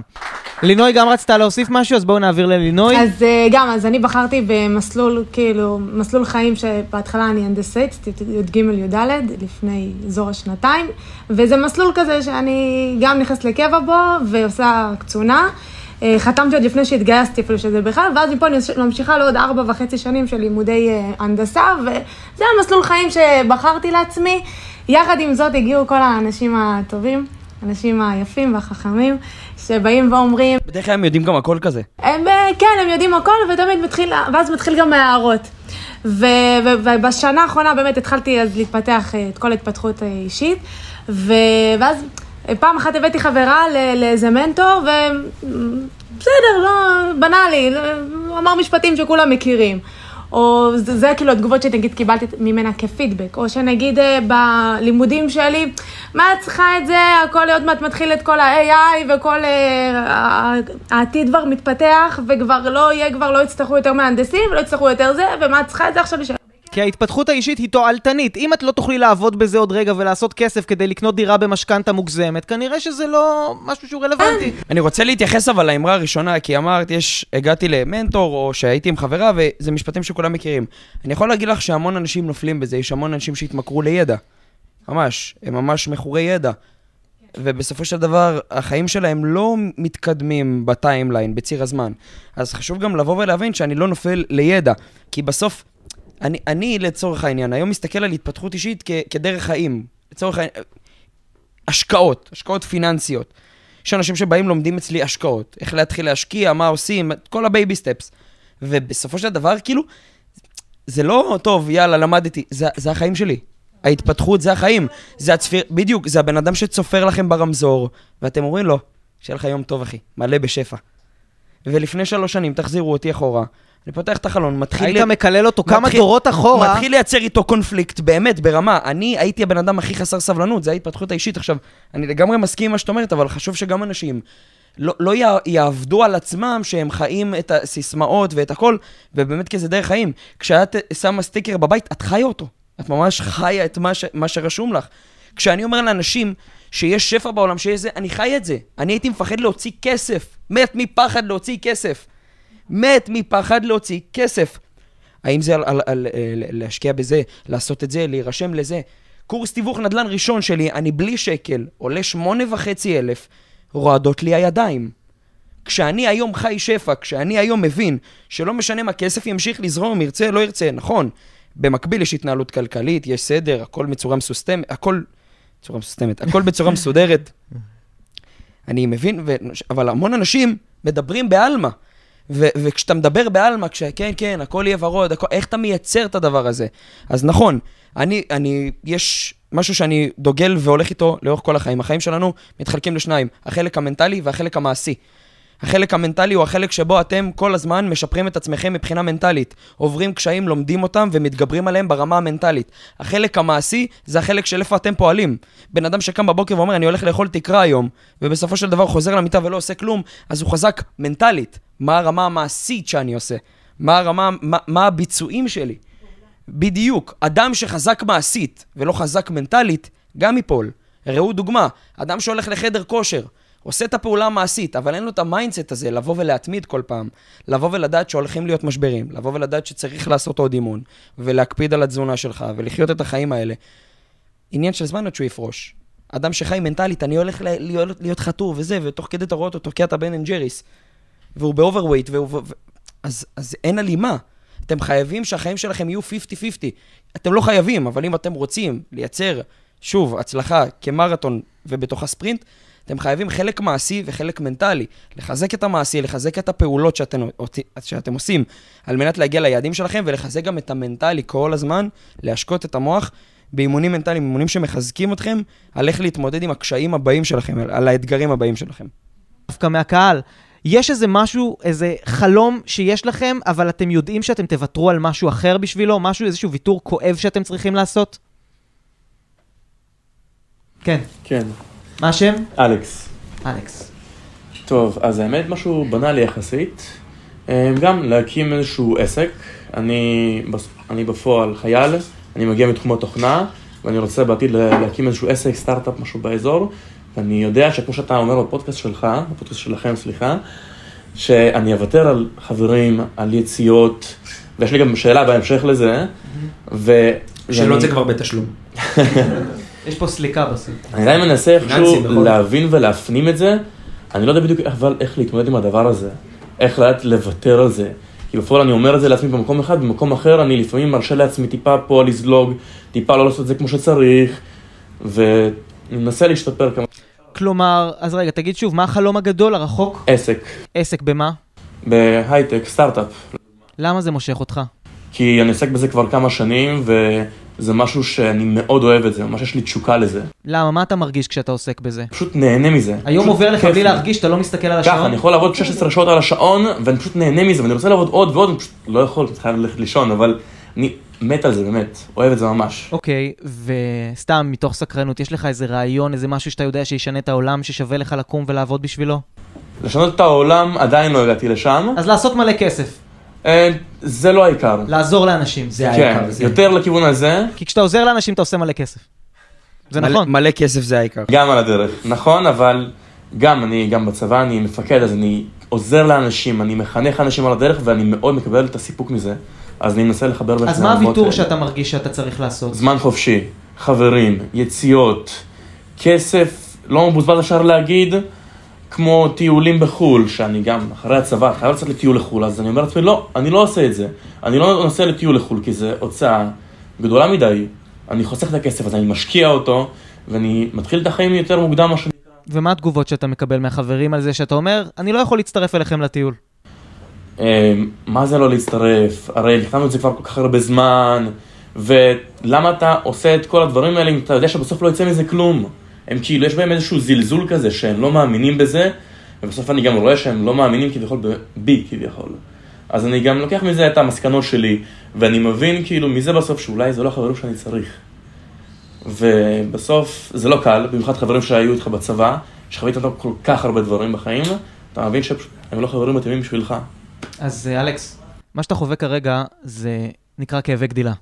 זה בדיוק הרגע הזה שבו אתה מבין, כמו הגולם, כשהפרפר יוצא ממנו, זה כואב לו בטירוף, אבל הוא יוצא פרפר. עזוב שהוא חי ליום, את זה אנחנו... אבל, אבל הרגע הזה שכשאתה גדל להיות משהו טוב יותר, תמיד זה מלווה בכאבים. זה אף פעם לא פשוט שביל חלק שנותנים לך, ככה פורסים לך שטיח, זורקים עליו ורדים, ואתה רק הולך בדרך להצלחה וכולם מריעים לך.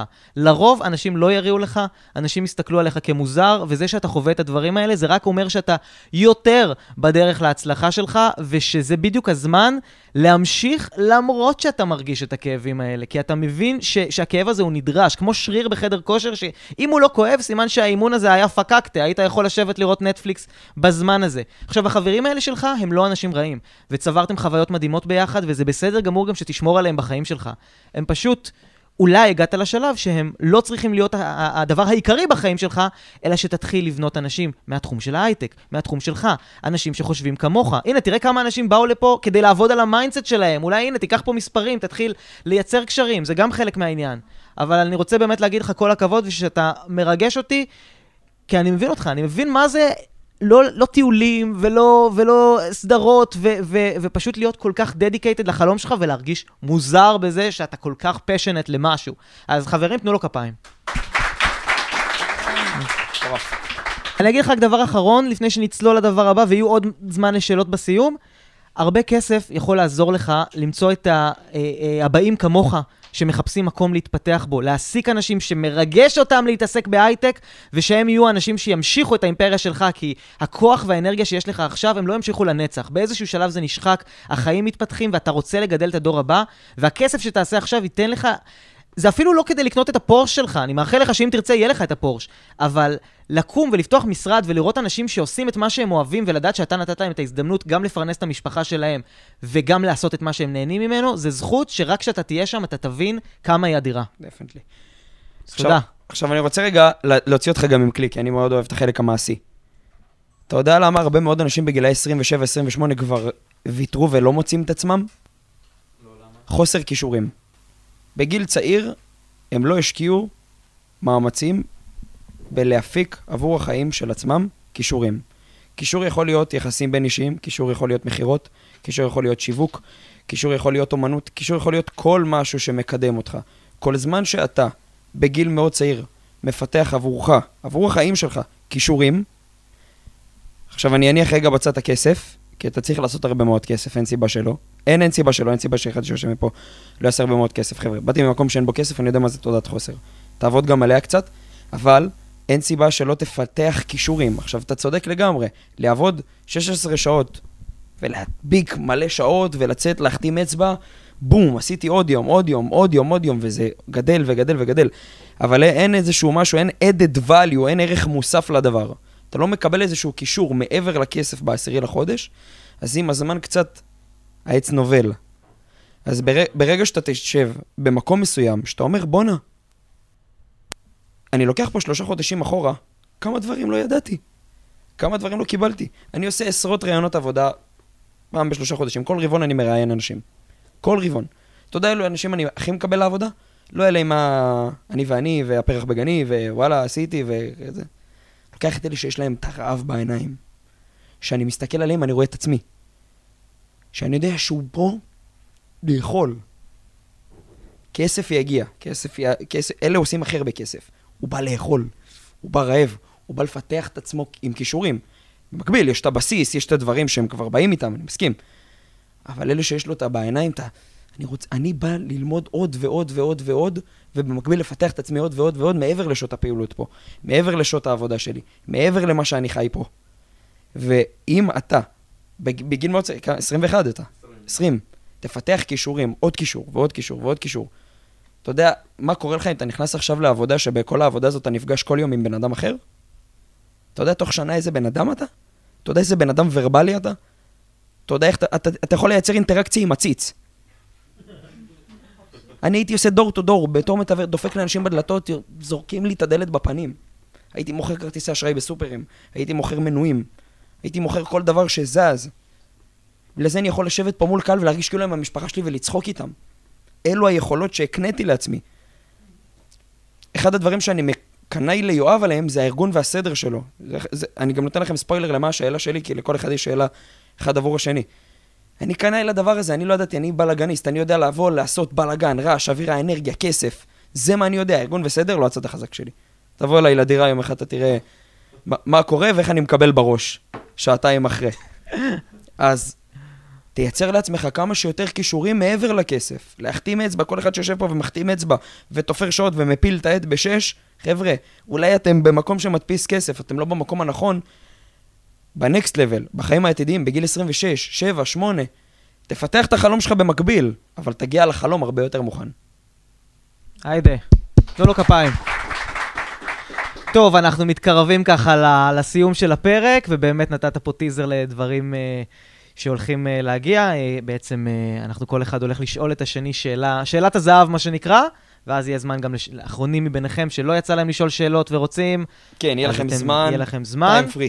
אה, הדבר האחרון שרצינו לדבר עליו, על צרות שאתם תקלטו כשתתחילו להצליח, זה שאנשים חושבים שאתם מגזימים. אני חושב שיש פה הכוונה? אנשים, אתה אומר, יחוו להצליח, ואני חושב שהם כבר היום מצליחים. הם כבר מצליחים, כי הצלחה זה mindset. אבל שהם יתחילו לראות את הפירות האמיתיים מסכים. של ההצלחה. מסכים. כן, לגמרי, בגלל זה הם מזדהים עם המון דברים פה. לגמרי. אמ, אנשים שהם מצליחנים באופי שלהם, הם לוקחים קשה כל דבר. אני לא אומר לוקחים קשה כמו מגזימים ב overreacting שלהם. זה לא שעכשיו מישהו אמר לי, אה, יש לך לכלוך על החולצה, ואני, אה, יש לי לכלוך. זה לא ככה.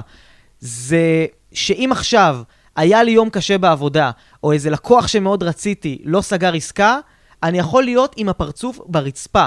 ואנשים סביבי אומרים לי, מה אכפת לך? נו, יש לך כבר הרבה לקוחות, אתה כבר מצליח, אה, כבר עשית קצת כסף בחיים שלך, אתה לא צריך את הלקוח הזה.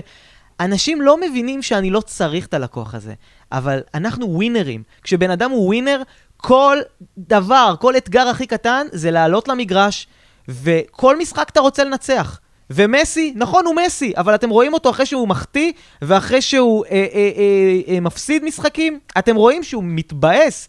ורונלדו, אתם רואים שהוא מתבאס. האנשים האלה לוקחים כל משחק כאילו זה המשחק הכי חשוב בחיים שלהם. ואתם תיקחו דברים כאילו הם הדבר הכי חשוב בחיים שלכם. ואנשים מהצד פשוט לא יודעים איך לאכול את זה, והם יגידו לכם, מה אתם מגזימים? נו, למה אתם אה, זה? כאילו, זה בסך הכל עוד אה, משהו שלא הצליח לכם. הם, יהיה להם קשה לראות את, ה, את הדבר הזה. יש פה מישהו, אגב, שמזדהה, או שאנחנו המוזרים היחידים? מישהו רוצה לשתף? על איזה משהו שהוא לוקח קשה ואנשים סביבו לא מבינים? מה יאללה. השם?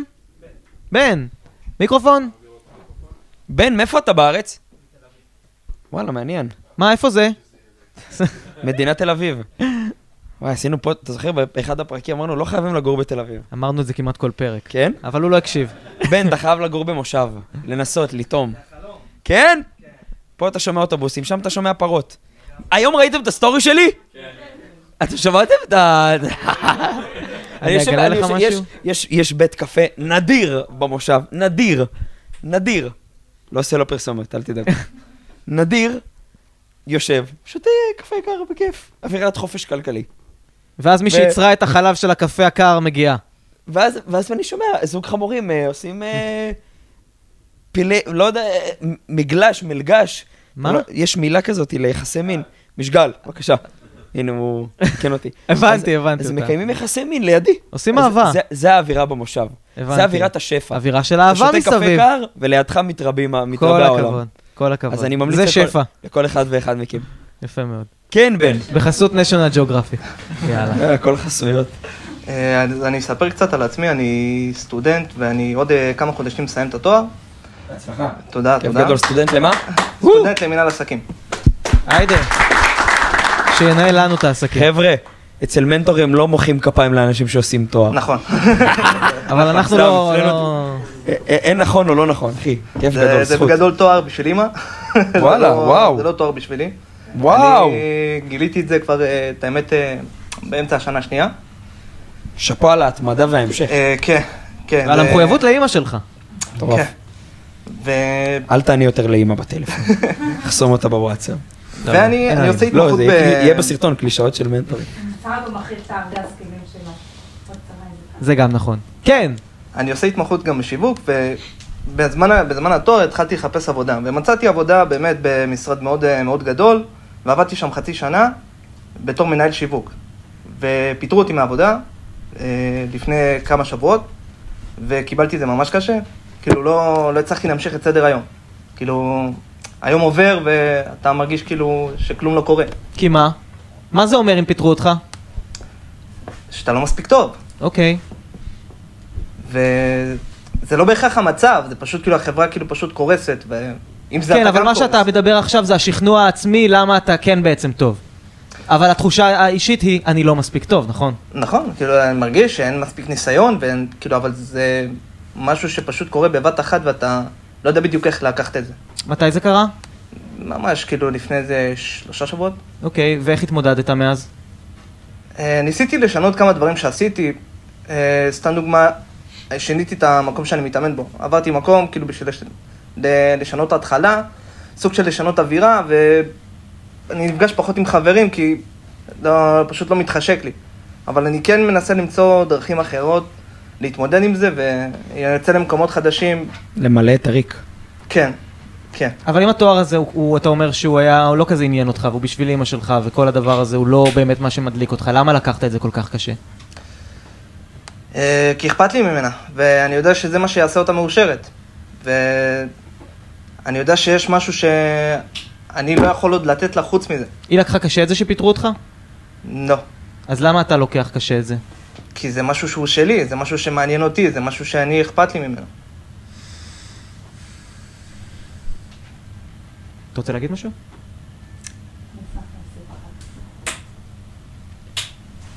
אני רגע חייב לעצור שנייה לפני, להחזיר אותך טיפה אחורה. לא יושב לי משהו. אמרת משפט, זה הדבר היחיד שאני יכול להעניק עבורה. מה זאת אומרת? לא הצלחתי להבין. כי כל דבר שאני יכול כרגע לתת לה, זה לא משהו שבהכרח יתראה את הסיפוק עבורו, כאילו, תהיה, תגיד כאילו תודה רבה, אבל אני יודע שזה באמת לא משהו שיעזור לה. למה? למה זה הדבר היחיד שאתה יכול להראות לה? סתם זה מסקרן אותי. זה לא קשור לנושא. למה? למה זה הדבר היחיד שאתה יכול להוכיח לאימא שבו אתה עושה אותו טוב והיא תהיה מסופקת? תתמלא. אה, אני חושב שזה בעיקר כי היא לא עשתה את זה, וזה משהו ש... גם אבא שלי לא עשה את זה, אז זה משהו שהיחידי במשפחה שכן יעשה את זה.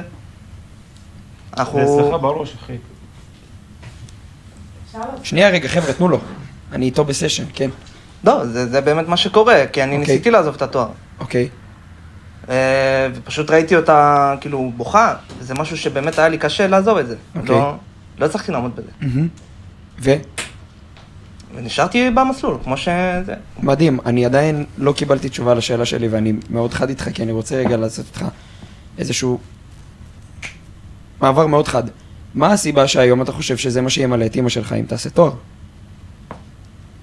אין את זה לאמא, אין את זה לאבא. מדהים. So, זה משהו שתוכל להתגאות בו. אוקיי. האם יצא לכם לדבר על זה? סתם שב. את האמת שזה לא משהו שהיא ידעה אפילו לענות לי עליו. אוקיי. האם אתה בטוח ב-200 אחוז, עכשיו אתה חותם על זה, שזה מה שיעשה אותה מאושרת? לא נראה לי. אוקיי. אתה מכיר קצת את הסיפור שלי? קצת, כן. אוקיי, אני באתי, בגיל 9-10 הודיעו לי שאימא שלי אישה נכה, מחלת לופוס בשם זבת, ואני כל החיים הייתי במרדף כסף, אני מאובחן פחד עוני, אני מפחד להיות בן אדם עני, וכל החיים אני חיפשתי איך אני אהיה בן אדם עם מלא כסף על מנת... לי ולך יש מטרה זהה, מה רצינו לעשות? להסב לאימא אושר. אושר. ברוך השם לא חסר לי כסף, סגרתי להורים שלי את המשכנתה, האם הסבתי להם אושר? כן. התשובה היא חד משמעית לא. למה? כי עשר, עשיתי להם חיים טיפה יותר פשוטים. יש הבדל משמעותי בין להסב להם אושר לבין לעשות להם חיים פשוטים. כסף מפחיד דאגות. אתה יודע מה יגרום לאימא שלי אושר? מה היא אומרת? לראות אותי מתחתן. מטרות שונות. זה חלק מהדברים שיכולים להסב לאושר. בדיוק. אני מסכים.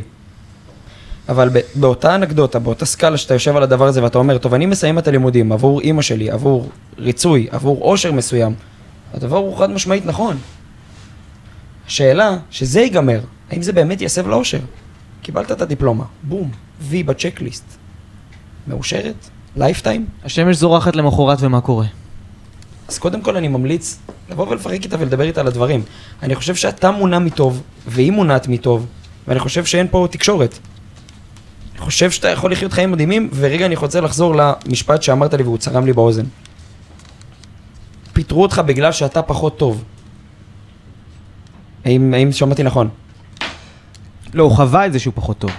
כן, זה מה אבל זה מה שחוויתי. שהרגשת, פיטרו אותי, אנחנו פחות טוב.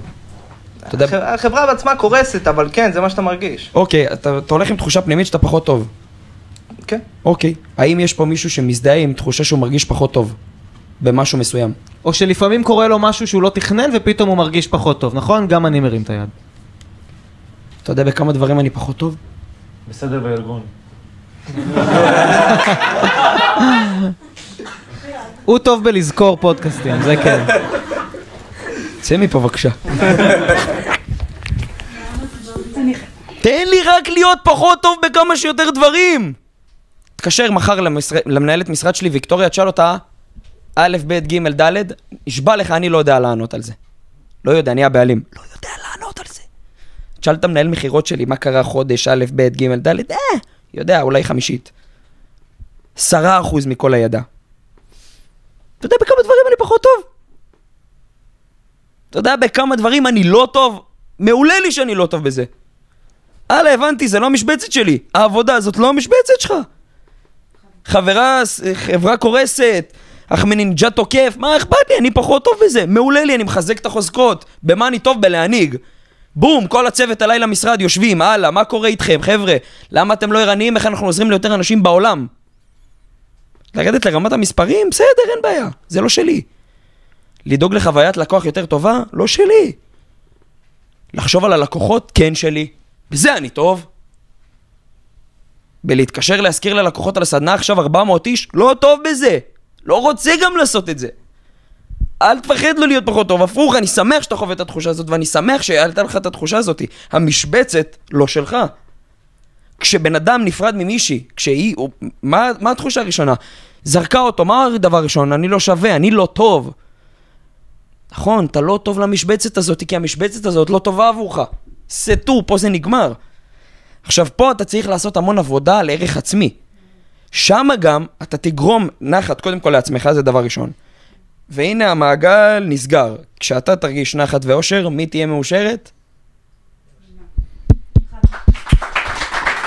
ורגע, אני רוצה להוסיף משהו קטן אחרון, שאני למדתי בחיים שלי בדרך הקשה, כי אתה מנסה לצבור הצלחות, שההצלחות האלה בעצם אמורות לאשר לך שאתה כן טוב.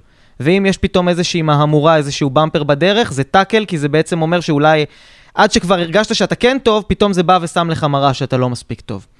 אני חושב שמה שנכון ומה שבוודאות מחבר בין אנשים, בין אם זה ההורים שלנו, בין אם זה בני בנות זוג או כל אחד אחר, זה אותנטיות. ואני חושב שהאותנטיות שלך וה, והמקום שלך זה לבוא לאימא שלך ולהגיד לה את זה בצורה הכי ברורה. אמא, אני כל החיים חשבתי שמה שיעשה אותי בן טוב זה לעשות דברים שיגרמו לך את האושר, זה לצבור וי, לסמן צ'קליסטים שיגרמו לך להיות מאושרת. ואני הבנתי שזה בכלל לא היה נכון ואני המצאתי את זה. ואני רוצה שתדעי שפגעתי בעצמי ופגעתי בך, שלא הקשבתי לך בתור מישהי שפשוט אוהבת אותי בתור הבן שלה ושצריכה לקבל הוכחות. כי אתה חושב באמת שאימא אוהבת את הבן שלה רק אם הוא מביא לה את ההוכחות? היא כבר אוהבת אותך, היא כבר גאה בך. קל. ואם ת, ת, תסיר את המסך הזה, מסך הזכוכית הזה שנמצא ביניכם, הפיל הזה שנמצא בחדר, שהיא אולי אפילו לא רואה אותו, אבל אתה רואה אותו כל הזמן שהיא שם, וכל מה שהיא אומרת לך, היא אומרת לך, בוקר טוב, אני אוהבת אותך, ואתה חושב, את לא באמת אוהבת אותי, כי לא הלך לי טוב עכשיו במקום או במבחן הזה, או, או בעבודה הזאת, ואם אם את תדעי את זה, אז כאילו, את תדעי שאת לא באמת אוהבת אותי. לשחרר את המסך הזה, ואז נהיה שם חופש ביניכם.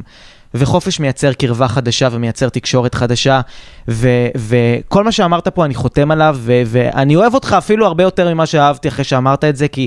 ואני לא חושב שיש פה מישהו, תרימו את היד אם גם אתם חשבתם על היחסים שלכם עם ההורים שלכם, או אנשים בחיים שלכם, שאתם חושבים שהם י- יאהבו אתכם רק אם תעשו דברים מסוימים או תהיו בצורה מסוימת. אתה רואה, זה כמעט כולם.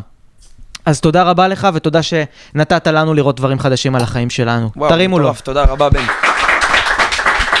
אנחנו כפסע. את רוצה להגיד דבר אחרון? מאוד הדאג לי, כי אה, בוא נגיד ממרום גילי, אני חושבת ש... בת כמה את? 47. אני חושבת שממרום גילי, אה, טוב, ביחס למה שקורה כאן, וזה שאפו לצעירים כאן שהתעוררו והתעוררו קודם. הצעירה ברוחך. בת 47. מה. זה, זה החיים התחילו. אה, לגמרי. ישב לי בסדנה בחור בן 65. יפה. אה, ממרום גילי אני חושבת, אני רוצה לענות פה לבחור שהכל מדויק ואין סתם ושום דבר לא במקרה. השם הזיז אותו מהמקום הזה בשביל לעשות משהו טוב יותר. אמא תהיה שמחה לא מהתעודה, אמא תהיה שמחה כשטוב לך. וה- והתעודה זה רק ארגז כלים. זה, זה, זה בשביל שתגדל. זה שם אותך מאוד מאוד גדול בהשוואה לחברים שלך בגיל שלך. אבל, אם, אבל אימא באמת תשמח כשהיא תראה כשטוב לך, אם זה טוב לך ב, ב, בעבודה שלך, טוב לך בזוגיות שלך, טוב לך בחיים שלך. תאמין לי, לא הדיפלומה תעשה את ההבדל אה, הגדול. אבל הכל מדויק, הכל מדויק, אין דבר סתם. אם השם החליט שהוא לא בעבודה הזאת, שם הוא לא צריך להיות, והוא צריך גם מאוד מאוד מאוד להאמין בעצמו ולבוא בגישה של אני ג'וקר, אני קלף מנצח. אני, אני, אני ג'וקר, מי שלוקח אותי, מי שלוקח אותי, אני, אני, אני, אני מתנה בשבילו. זו עבודה אינטנסיבית. מאוד. וזה המת... לא, כשזה ה mind, כשזה מה שתופס את זה, אתה בא ממקום כזה, אז אתה לא מרגיש ש... שאמרו לך לך. זה הפסד שלכם. תודה לכם. עשיתם לי שירות. ו... וזה הכל מדויק, אז השם כנראה בוחר לך משהו טוב יותר. חד משמעית. איזה אלוף אתה, אחי. תודה רבה. ש... תאמין מה בזה. עשו לא, לך אמרתי שירות. שאנחנו... אני יכול להגיד מילה רק לגבי מה שהוא אמר? אז לא, רגע, שנייה. כי אמרת לי שאני לא זוכר סדר בארגון. אנחנו ממשיכים. יש, בתור בעל עסק, אני אומר, הרבה פעמים דברים באמת משתמשים ומפטרים אותך, או שלקוחות לא רוצים לעבוד איתך בדברים כאלה. סביבה מטורפת. ויש להם פרק על אה, דברים שמשתבשים לטובה. נכון, למדתי אותו לא מזמן. אחד הפרקים הראשונים. הפרק הזה יעזור לך, אל שבע תתחנף. נראה לי, או שמונה. אבל הפרק אחריו על הפנים. יש גם כאלה, מה לעשות? במה אתה עוסק? אה, יש לי מכללה דיגיטלית. אין בעיה, אנחנו למכללה שלך לא נירשם. תכף נעשה לך פרסומת. אגב, רוצה לסגור רגע את הסגירת מעגל הזה. בסוף הורים, אגב, ש- כשאני מלווה, יש לי גם מאמן מנטלי שאני הולך אליו, מחר יש לנו פגישה, ועשינו פעם אחת סשן, ופירקנו את כל העניין של הורים. ולמה הורים דוחפים ילדים לתואר, למה הורים דוחפים ילדים למצוינות מדי פעם, למה הורים לאו דווקא דוחפים אבל כל הזמן מעודדים לעשות דברים, מסיבה נורא פשוטה, כי הם מסיבים את התוצאה שלכם אל מול האושר שלכם. משמע אומר שהם אומרים, אתם תלכו אה, לתואר, ואז יהיה לכם עבודה מסודרת, ואז העבודה המסודרת תביא לכם את הזוגיות, והזוגיות תביא את הילדים, ויהיה לכם את הבית הזה, והנה, דאגתי לסגור לכם את הפינה, שתהיו מאושרים. הם בסופו של דבר רוצים את האושר, נקודה. במהלך הדרך הם לא מבינים את כמויות הדברים שאתם אה, מתועתעים מבחינת מחשבה, שאתם לא רוצים, שאתם בתהיות, זה נכון לי, זה לא נכון לי, אבל הם מבחינתם בום, הם היו הורים טובים, כי הם בסוף דאגו לבנות איזושהי תוכנית פעולה על מנת שיהיה לכם את האושר. את ההורים לא מעניין איזה תואר תעשו, את ההורים לא מעניין כמה כסף תעשו, את ההורים מעניין תוצאה הסופית בסוף. אז הם אומרים, הנה, יש דרך קלאסית על מנת להגיע לאושר הזה, כמו רוב העולם. יש את ה-X תואר, יש את ה-X את הלימודים, יש את העסק, לא משנה מה. כל אחד ילך פה בדרך, אתם לא תשמעו מאיתנו אף פעם תואר כן נכון או לא נכון, זה לא רלוונטי. אני לגמרי מאמן בלימודים אקדמיים שכן מפתחים וכן אה, עוזרים ותורמים למטרת האדם בסופו של דבר.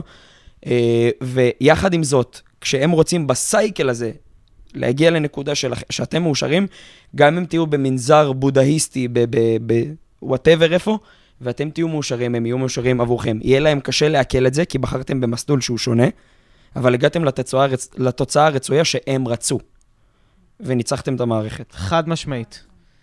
טוב, אנחנו ממש כפסע אה, מלסיים, אבל כמו וואו, אתה כזה שהבטחנו... מתנשא כפסע, זה הכי מתנשא בעולם. גם אתה יש לך פתאום, אני שומע משמע, כזה, כן, מה- אני- משמע אומר, זה, כן. זה לא, אני לא היחיד פה שמדבר לגמרי. גבוהה גבוהה. אה, סביבה, אני מתחיל להיות מתנשא. לגמרי, כן. לגמרי. בקיצור, אז אה, אה, רוצים לסיים את הפרק הזה בעצם רגע לפני שכל אחד יוכל לשאול שאלות חופשיות, ואז אה, מה. שנקרא, נעשה צ'ייסר אחרון ו- וסלפי, ו... ויאללה אה, לאזעקות. נלך לסופש, בת- בתקווה סופש שקט ו... אמן! אמן, וטוב ככל האפשר אה, לכולנו. כן. אמרנו, נעשה שאלת הזהב, כל אחד שואל את השני שאלה אחת, והוא אותי לא- חשפו פה כבר. שהוא לא שמע את התשובה, והתשובה תהיה קצרה, מדויקת ו- ו- וחדה ככל האפשר. אז אה, מי יתחיל? אתה. אני שואל אותך, כן. על הכיפאק. מה עשיתי עכשיו? על הכיפאק. אז אני רוצה לשאול אותך כזה דבר. כן. אתה כל היום מדבר על כסף, כי העבודה שלך היא לעזור לאנשים להרוויח כסף. אני? אה, כן. כן. משחק חדשות, העבודה שלך, כן, כן, אתה קם כל בוקר כדי לעזור לאנשים ללמוד על השקעות, ללמוד על מניות, ללמוד על אג"ח, ללמוד על נדל"ן, ללמוד על דברים שעושים בסוף כסף. ובמסגרת מהמם. העבודה שלך, אתה גם, מה לעשות, מדבר על כסף. כן. ואתה מדבר גם תופעה. על זה, ואתה לא מתבייש בזה שאתה יודע לעשות כסף, כי זה מה שאתה מלמד אנשים. אוקיי. ומה זה כסף? כסף זה דבר אה, מדהים וכולנו היינו רוצים כסף. אבל אתה לא חושש מעין רעה, אתה לא חושש שבאמת עשרות אלפי אנשים שעוקבים אחריך, מסתכלים, ו- ואיכשהו העין של אנשים על זה שיש לך ועל זה שאתה יודע לייצר כסף.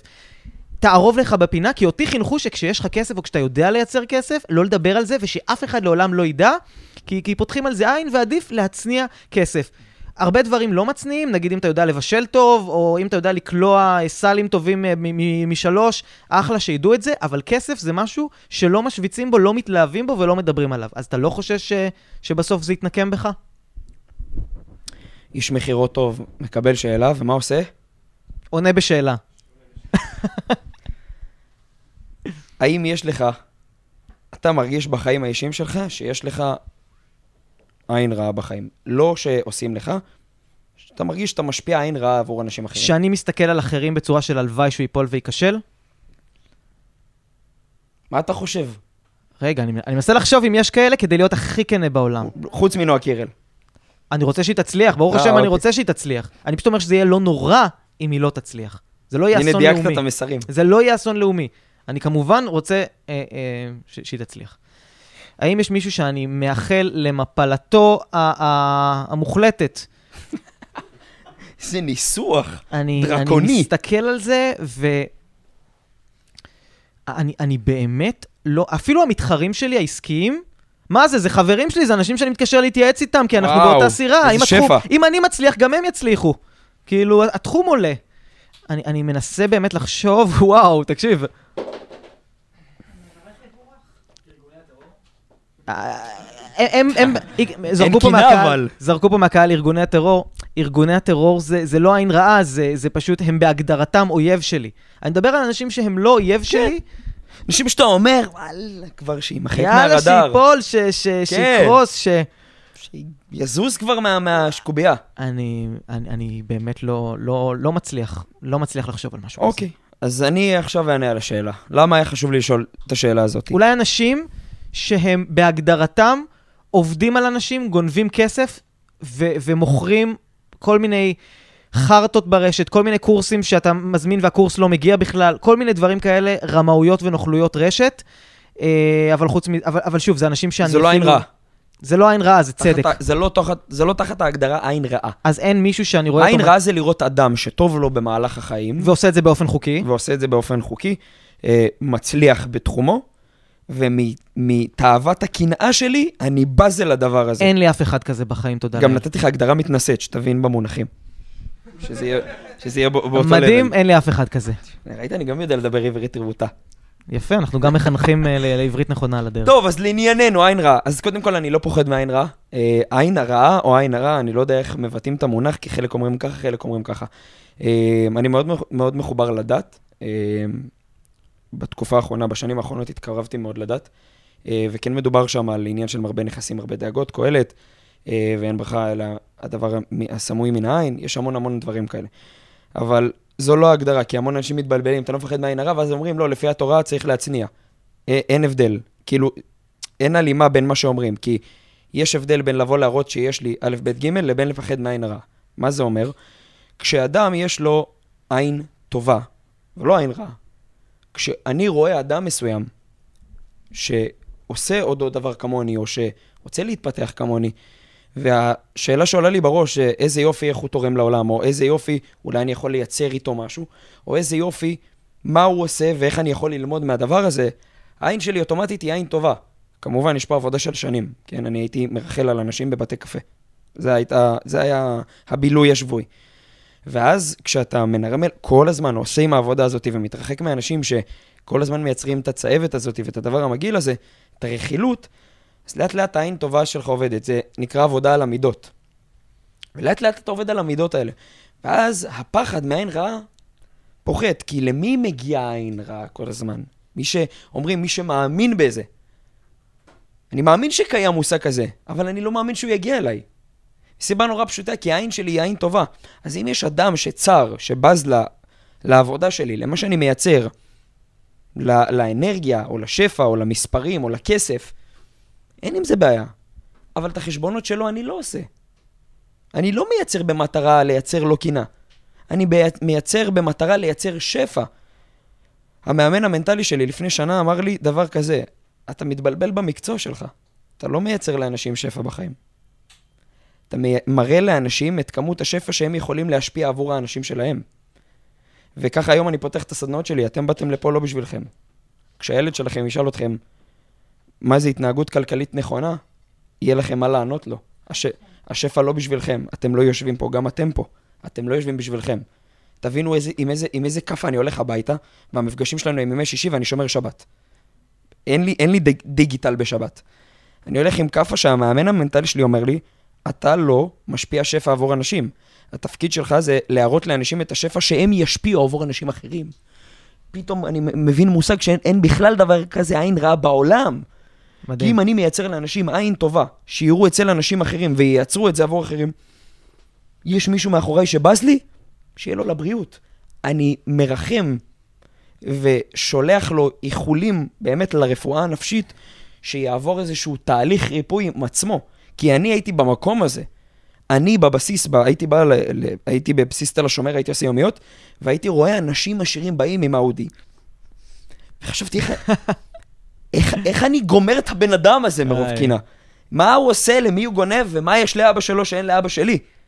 תחשוב, אני עם סוברו עם פרזה, גנבו לי מראה לפני יומיים. אין לי מראה, אני בא לבסיס בלי מראה. גם היה לך סיפור שאתה היית בלי פנס. בלי פנס, ככה, כן. עזוב, האוטו הזה עבר שלא תדע. היה לי, או שלא תדע מה הוא עבר. לימד אותי, אבל היום אני לא מפחד מעין רעה, כי שוב, התפקיד שלי זה להסתכל בעין טובה.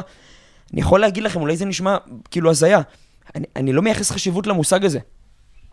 לא מייחס, זה כמו שתשאל בן אדם, לא יודע, אדם בחופש כלכלי, תשאל אותו, ת, כאילו, איך לא קשה לך לשלם אה, עמלת אה, חמישה שקלים כל יום בבוקר? לא מרגיש את זה, לא מרגיש, זה לא חלק מהחיים שלי. עין רעה, אני ממליץ לכל אדם שמרגיש פה שיש לו איזה קינה לאדם, זו עבודה אמיתית על המידות, לראות מה טוב לי בחיים כרגע, איך אני מעצים את זה, וגם לאדם שאני בז לו, שאני קנאי לו, לראות מה טוב בו. מדהים. לראות מה, מה, מה טוב בו, דיברתי על זה באחד הפרקים שלי, אני מאוד אוהב, אה, מתחבר לתורת רבי נחמן מברסלב, והוא אומר שגם באדם, תראה, תראה, תראה איזו חוכמה מטורפת, גם באדם הרע ביותר שבאדם. ניתן למצוא את הנקודה הטובה, ומתוך הנקודה הטובה להמליץ עליו יושר, ולראות את כל הנקודות הטובות שיש בו בחיים. כמו נקודת אור בחיים האישיים.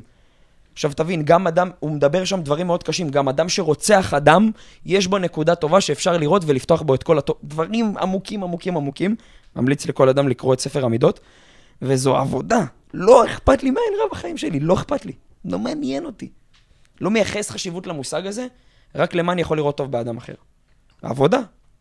קיבלתי את התשובה, וגם אה, מה שנקרא, לקחתי לעצמי את, ה, את הדרך הסתכלות הזאת, ועכשיו אם אני, אם אני חושב כל פעם, רגע, לא, אל תצלם שהיית פה, ושלא ידעו שהיה לך ככה, אני אומר, שידעו, עבדת קשה בשביל זה, ומי שהעין שלו כמה רע... עבודה זאתי אבל? אבל איזה מחשבות זה אחרי שאתה עושה את זה בפעם הראשונה, בפעם השנייה? זה מלא מחשבות. מלא מחשבות, מלא. לא, זה לעבוד על השריר של לראות את הנקודת אור, ולהבין שכשעכשיו אני, מישהו יודע שיש לי, לא לפחד ממי ש... ישים לי עין, אלא לחשוב על הבן אדם שיראה את זה ויגיד, אם הוא הגיע, גם אני יכול. עליו אני רוצה להסתכל. פעם הלכתי עם אבא שלי לבית הכנסת, ביום שישי בערב הלכנו לבית כנסת, ומישהו בבית כנסת, יש כאלה אנשים בלי טקט, באמצע הבית כנסת דופק לי, וואלכ, הסרטונים שלך בטיקטוק, משהו, משהו עולמי. בעיניי זה מחמאה אדירה. כן, עכשיו אבא שלי, שוב, אבא שלי לא מבין מה אני עושה, הם לא מבינים, אין, לה, אין, אין להם... אנ- סרטונים. מבין, חברה, עסקים, מקבלים. אני שותף של אח שלי ברשת חנויות חיות, חברה בארצות הברית, מבינים, איך. ו... ואז הוא שאל אותי, העליתי סרטון על זה שאני מכניס לתת מודע שלי שיש לי כל יום 28 מיליון. אז נותן לי מהמרפק הזה. אז מה, מה, איך עושים 28 מיליון? אה, הוא לא הבין שזה... נותן, לא, לא, לא. אוקיי. נתן לי עם חיוך וקריצה כזה. שוב, אבא שלי כאילו מסתכל עליי, מה... מי זה? מה הוא רוצה? ולמה הוא פונה אליך? ופעם הייתי כאילו אומר, אחי, שחרר אותי. היום אני מסתכל ואומר, בואנה, איזה נשמה טובה. אבא לילדים, בן 50. כל הילדים שלו עומדים מאחוריו, ווואלה, מעניין אותו איך הוא מקדם את עצמו בחיים. מבין מדהים, איזה עבודה מדהים, זאת? מדהים, מדהים, מדהים. זה הדרך לא להסתכל. תשחרר אותי. זה הדרך איזה להסתכל. מדהים זה שזה מעניין אותך בגיל 50, וזה עדיין, גם עם הקריצה והחיוך שאתה מתבייש לשאול, זה עדיין משהו מעניין אותך. זה גם מצריך משהו לבוא לבן אדם מהטיקטוק, ממרום גילך ולהתחיל לדבר איתו על מה הטיקטוק. קרה לך? הייתי עם הבת זוג שלי בסינמה סיטי, פעם מישהו תפס אותי. יש לך סיפור על כל דבר, אתה- וואלה- אתה לוקח אותי לסיטואציה... וואלה, חשבתי שאתה נוכל, אבל כשראיתי אותך במציאות, אני יותר מאמין לך. ככה. אני לא יודע אם זה מחמאה, אם לא יודע זה... מה. ואני- אוקיי. ואני אוכל את התפוח אדמה עם השמנת. תודה רבה, אחי, שיהיה לך יום מדהים. סגור העניין, אוקיי. אני יכול. לשאול שאלה? זה, זה, ב- זה ב... יאללה, זה בקונספט. זה ממש, בק- כן, זה ממש כתוב. אתה רוצה אתה לשאול את השאלה? אז תכף אה, יהיה פה באמת אה, שאלות חופשיות, ומה שנקרא, נשחרר לא, אתכם. הוא מכיר את השאלה שלי. אה, הוא מכיר את השאלה. הוא סיסטם אותנו. אז שהוא ישאל. טוב, אז, תראה, אה, זה לא סוד שהיום אתה מנהל צוותים, מנהל עובדים, מנהל זוגיות מדהימה, ומנהל עוד עסקים כמו פודקאסט וכולי, אף אחד לא יודע כמה זה עסק כל כך גדול. ואיך היום בחיים האישיים שלך, שנכנס לך איזשהו משהו שהוא הבלטם שלנו, עכשיו, אתה יודע, אצלנו כל בלטם, זה יכול להפוך את כל הלוז. נכון. אני עובד עם לוז מאוד מסודר, כאילו, אני, אני קורא לזה לוז נאצי. אני לא יודע איך אתה קורא ללוז שלך, אצלי זה לוז נאצי, מה שבלוז נכנס, מה שלא, לא קיים מבחינתי. אה, אני קורא לזה פשוט אה, ברזל. ברזל, יפה, אז אתם יכולים ל... גם לקחת לכם. איך קורה מצב שבו נכנס לך איזשהו בלטם ביום-יום שלך, ואתה ממשיך כהרגלך, כאילו לא נותן לזה להפריע, במרוץ, במרתון, בתוך היום, בעשייה, מה שנקרא, בכל התפוקה הזאת.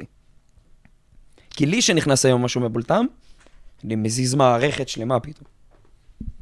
איך אנשים היום, אם, אם זה לקהל הפתוח, איך בן אדם שיש לו איזשהו בלטם ביום-יום, שהוא לא יודע איך להתמודד איתו, מקבל ורוכש כלים להתמודד עם הדבר הזה. אז פעם באמת הייתי בוכה על מר גורלי, ומאשים את כל העולם בזה שנכנס איזה משהו קטן, ועכשיו כל מה שתכננתי התחרבש לגמרי.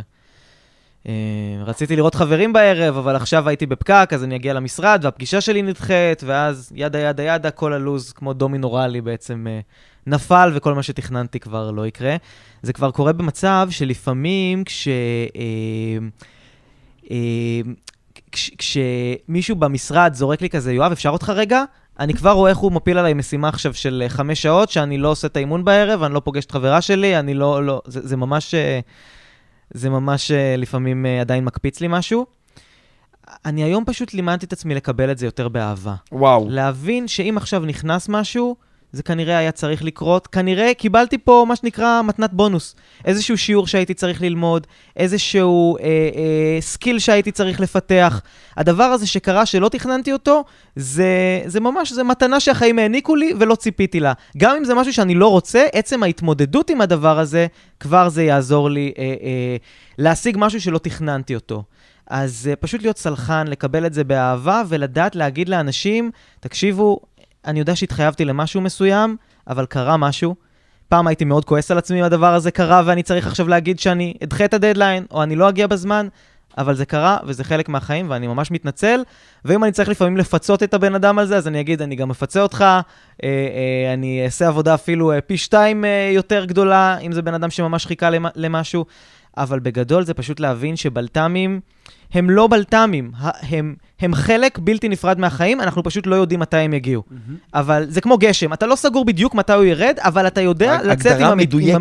עם המטריה, ואם אתה עכשיו יוצא בלי מטריה, זה חוסר אחריות שלך, כי אתה יודע שבחורף מתישהו יתפוס אותך גשם, גם אם לא אמרו בתחזית. זה הבלת"מים. אתה יודע שבלו"ז שלך אתה צריך לפנות נגיד איזה שישה ביום לדברים בלתי צפויים שיקרו. זה פשוט חלק מהחיים, וצריך לדעת לקבל אותם ולאהוב אותם. מדהים. טוב, אז קודם כל תודה. אה, אני לוקח את. זה, כי אני לא סלחן, אני אגיד לך, אני במ במ במ. אבל זה לכעוס על הגשם, אם קרה משהו. מסכים, מסכים, מסכים, אני צי... כן, כן, זה להיות ואפשר, זה פשוט לא מקדם. בול, זה בזבוז אנרגיה. אה, אני יכול להגיד, כשאני הייתי במוקד מכירות, אחד הדברים הגדולים שלימדו אותי, היה לי מנהלת מוקד, קראו לה רות. והיא לימדה אותי כלי סופר גדול בחיים. יש פה בעלי עסקים? תרימו יותר גבוה, אני לא רואה? אוקיי. אני לא יודע אם, באיזה שלב אתם בעסק, אם יש לכם עובדים, אין לכם עובדים, יש צוותים או אין צוותים. אה, והיום אני משריש את זה לצוותים שלי. כשאחד מהאנשי צוות שלי מגיעים אליי, קודם כל הם עברו כמה, כמה מדורי גיהנום, אבל אם זה הגיע אליי, כנראה שזה משהו שהוא חשוב. הגיעו אליי, אתן לך דוגמה מהסיטואציה יום ראשון, לא, שעבר. והגיעה אליי איזושהי שאלה. עכשיו, כאדם, קחו, אתם יכולים לתת גם ערך לאנשים סביבכם. הדבר הראשון שהייתי אמור לעשות, אמרג'נסי, מקרה חירום, מה הייתי יכול לעשות? לדעתכם? הלו. לדחות, אוקיי, מה עוד? לעצור, מה עוד? בן אדם בא אליי עם שאלה, מה הדבר הקלאסי שאני יכול לעשות עבורו? להקשיב, להתעצבן, אופציה? להפנות אותו למישהו אחר, אולי לענות לו? חשבתם על זה? לענות לו על תשובה? חבר'ה, אתם איתי? לא, לא. אתם איתי? כן. תודה וואו. רבה, יופי. פשוט. כשהיום מישהו מהצוות שלי ניגש אליי, הדבר הראשון שהוא מקבל זה תשובה? שאלה. אה. אין תשובות. אליאור, תקשיב! א', ב', ג', אוקיי. איך לדעתך אתה פותר את זה? מה לדעתך אנחנו יכולים לעשות? ואז אתה גם עוזר לו לגדל את אני יכולות לא, ה... אני לא, אני נותן להם כלים. מהמם. כל בן אדם שיעבור אצלי אי פעם תהליך, אני נותן להם להתאמן. כמה פעמים אני עושה איתכם תהליכים, אי אפשר לשבת בהרצאות ורק לשאוב. כן, זה נכון. צריך להתאמן. מעשי, מנטלי. קחו את זה לחיים שלכם. כשאנשים שואלים אתכם שאלה, תראו על החבר הבא, מה אתם אומרים לעשות? לא יודע, מה אתה חושב לעשות? אותו דבר כ... מה נעשה? ככה זה? קיר? אז אותו דבר. חבר הבא ששואל אתכם, תגיד, מה לעשות? לא, יודע, מה אתה חושב לעשות? כלי מטורף, לענות בשאלה במקום להוכיח שאתה יודע. הצוות שלי הוא היום סיירת מטכ"ל רק מהדבר הזה. סיירת מטכ"ל. מדהים, כי אז אנשים לא רק אומרים שאתה... הם מרגישים קטנים לידך כי אתה פותר להם את הבעיות, אבל כשאתה עוזר להם לגלות כמה הם גדולים, ניצחת את החיים. סוד קטן, אני לא מגדל עובדים, אני מגדל מנהלים. זו המטרה. לייצר כמה שיותר אנשים ולתת גם, אגב, גם הצוותים, גם האנשים שלידי, זה רק לתת את השפע. ימשיכו, יישארו, יפרסו כנפיים שלהם. מדהים. זה השפע, אבל זה העין הטובה. מה אני יכול לתת לו שיקדם גם אותו? לא כי, הוא- לא כי אני לא רוצה שהוא לא יבוא אליי עם שאלות, זה גם. חד משמעית לא רוצה שהוא יבוא אליי עם שאלות, כי לא בא לי שיבוא אליי עם שאלות, כי אני רוצה לייצר וליצור עוד דברים בחיים, אבל גם אני רוצה שיקום בבוקר, אה, כל אחד מוביל. בדיוק מתקשר למה שאמרתי לך. אתה מבין מה זה עבודה שמפתחת? זה לא עוד 10, 15, 30 אלף שקל שהם לוקחים בחודש. זה הזה שהוא חוזר לבת זוג שלו והוא יודע איזה תשובות של מנהל יש לו בפה. לא בזכותי. בזכות המקום והבחירה שלו להיות במקום הנכון, בזמן הנכון ולהשקיע. יש לי אנשים בצוות ששלושה חודשים לא עשו אגורה. אגורה, רק למדו. אגורה. אגב, גם אני הייתי ככה, נכנסתי לתיווך נדל"ן, לא עשיתי אגורה שלושה חודשים. הלוך חזור, עזריאלי, עבדתי אצל אחד הגדולים בנדל"ן, לא עשיתי אגורה. הייתי יושב במשרד שלו, שומע איך מקיימים פגישה. רק יושב, ככה, יושב, כותב. מתי אומרים, מתי סותמים, מתי עומדים, מתי, מתי מדברים, מתי לא נושמים, מתי שותים את הקפה, מתי לוחצים את היד. כסף בצד, הוא מגיע. חשוב שתייצר עבודה עם added value של כסף, אבל מלא יכולות, מלא כלים. מה אני לוקח מהעבודה הזאתי? מה הסביבה הזאת שנותנת לי פה עבודה? אחד בצוות שלנו נכנס עם אנרגיה נמוכה, נגמר לו הסיפור, אין דבר כזה, לא יכול להיות. חבר'ה, תרימו אותו על הכתפיים. אנחנו מתחילים לרקוד עכשיו. אין דבר כזה, לא יכול להיות. לא יכול להיות, זה, אלו הסביבה שאתם צריכים כל הזמן. אני רוצה שכל אחד ואחד מכם, שאתם יוצאים מפה, תייצרו נטוורקינג, תייצרו קשרים. איך אני ויואב הכרנו? יצרתי איתו קשר, תראו איפה פה אנחנו הודעה היום. לאיזה- למישהו ששאל איזה שאלה, משהו, תנסו לעזור דברו לו. עם אנשים, דברו, ת- הבן אדם תחליפו שלידכם טלפונים. יכול להיות החבר הבא, השותף, המכר הזה לאימון, הזה ששותה איתכם קאבה בפודקאסט מי שלכם. שייצר את הפודקאסט הבא ביחד איתו, ונתארח כולנו ביחד ונעשה אני דברים מגיע ענקיים. בתשלום. רק בתשלום. מופקע. חשוב. אז חברים יקרים, אנחנו רגע, עוד שנייה ממש, משחררים אתכם, ותודה אה, גדולה לחמאס ולג'יהאד, שלא שלחו לנו טילים בזמן הזה. התחשבו, אמרו, חבר'ה, יש פה פודקאסט התפתחות אישית, משהו חבל על הזמן. משהו, אה, תעמיס לי שתיים. יפה מאוד, כל הכבוד. להם. אולי יש הפסקת אש בינתיים, אני לא יודע. אני מקווה מאוד שכן. אה, שאלות אחרונות, מישהו שרוצה לשאול, להגיד. זה הזמן. ל- אה, ל- לשתף. להזדמנות אחרונה.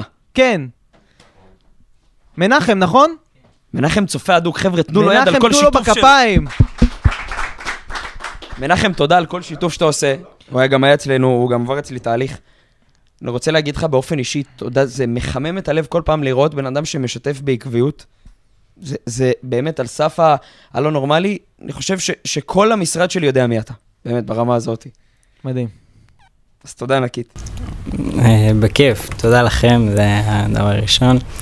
אה, רציתי לשאול איך, אה, איך מתגברים על ביישנות, כי אני מאוד מאוד ביישן, וכשאני מדבר ליד אנשים, כאילו עכשיו שאני עושה את זה, זה משהו שפשוט כתבתי לי במשימות ואין מצב שאני חוזר הביתה ולא עושה את זה.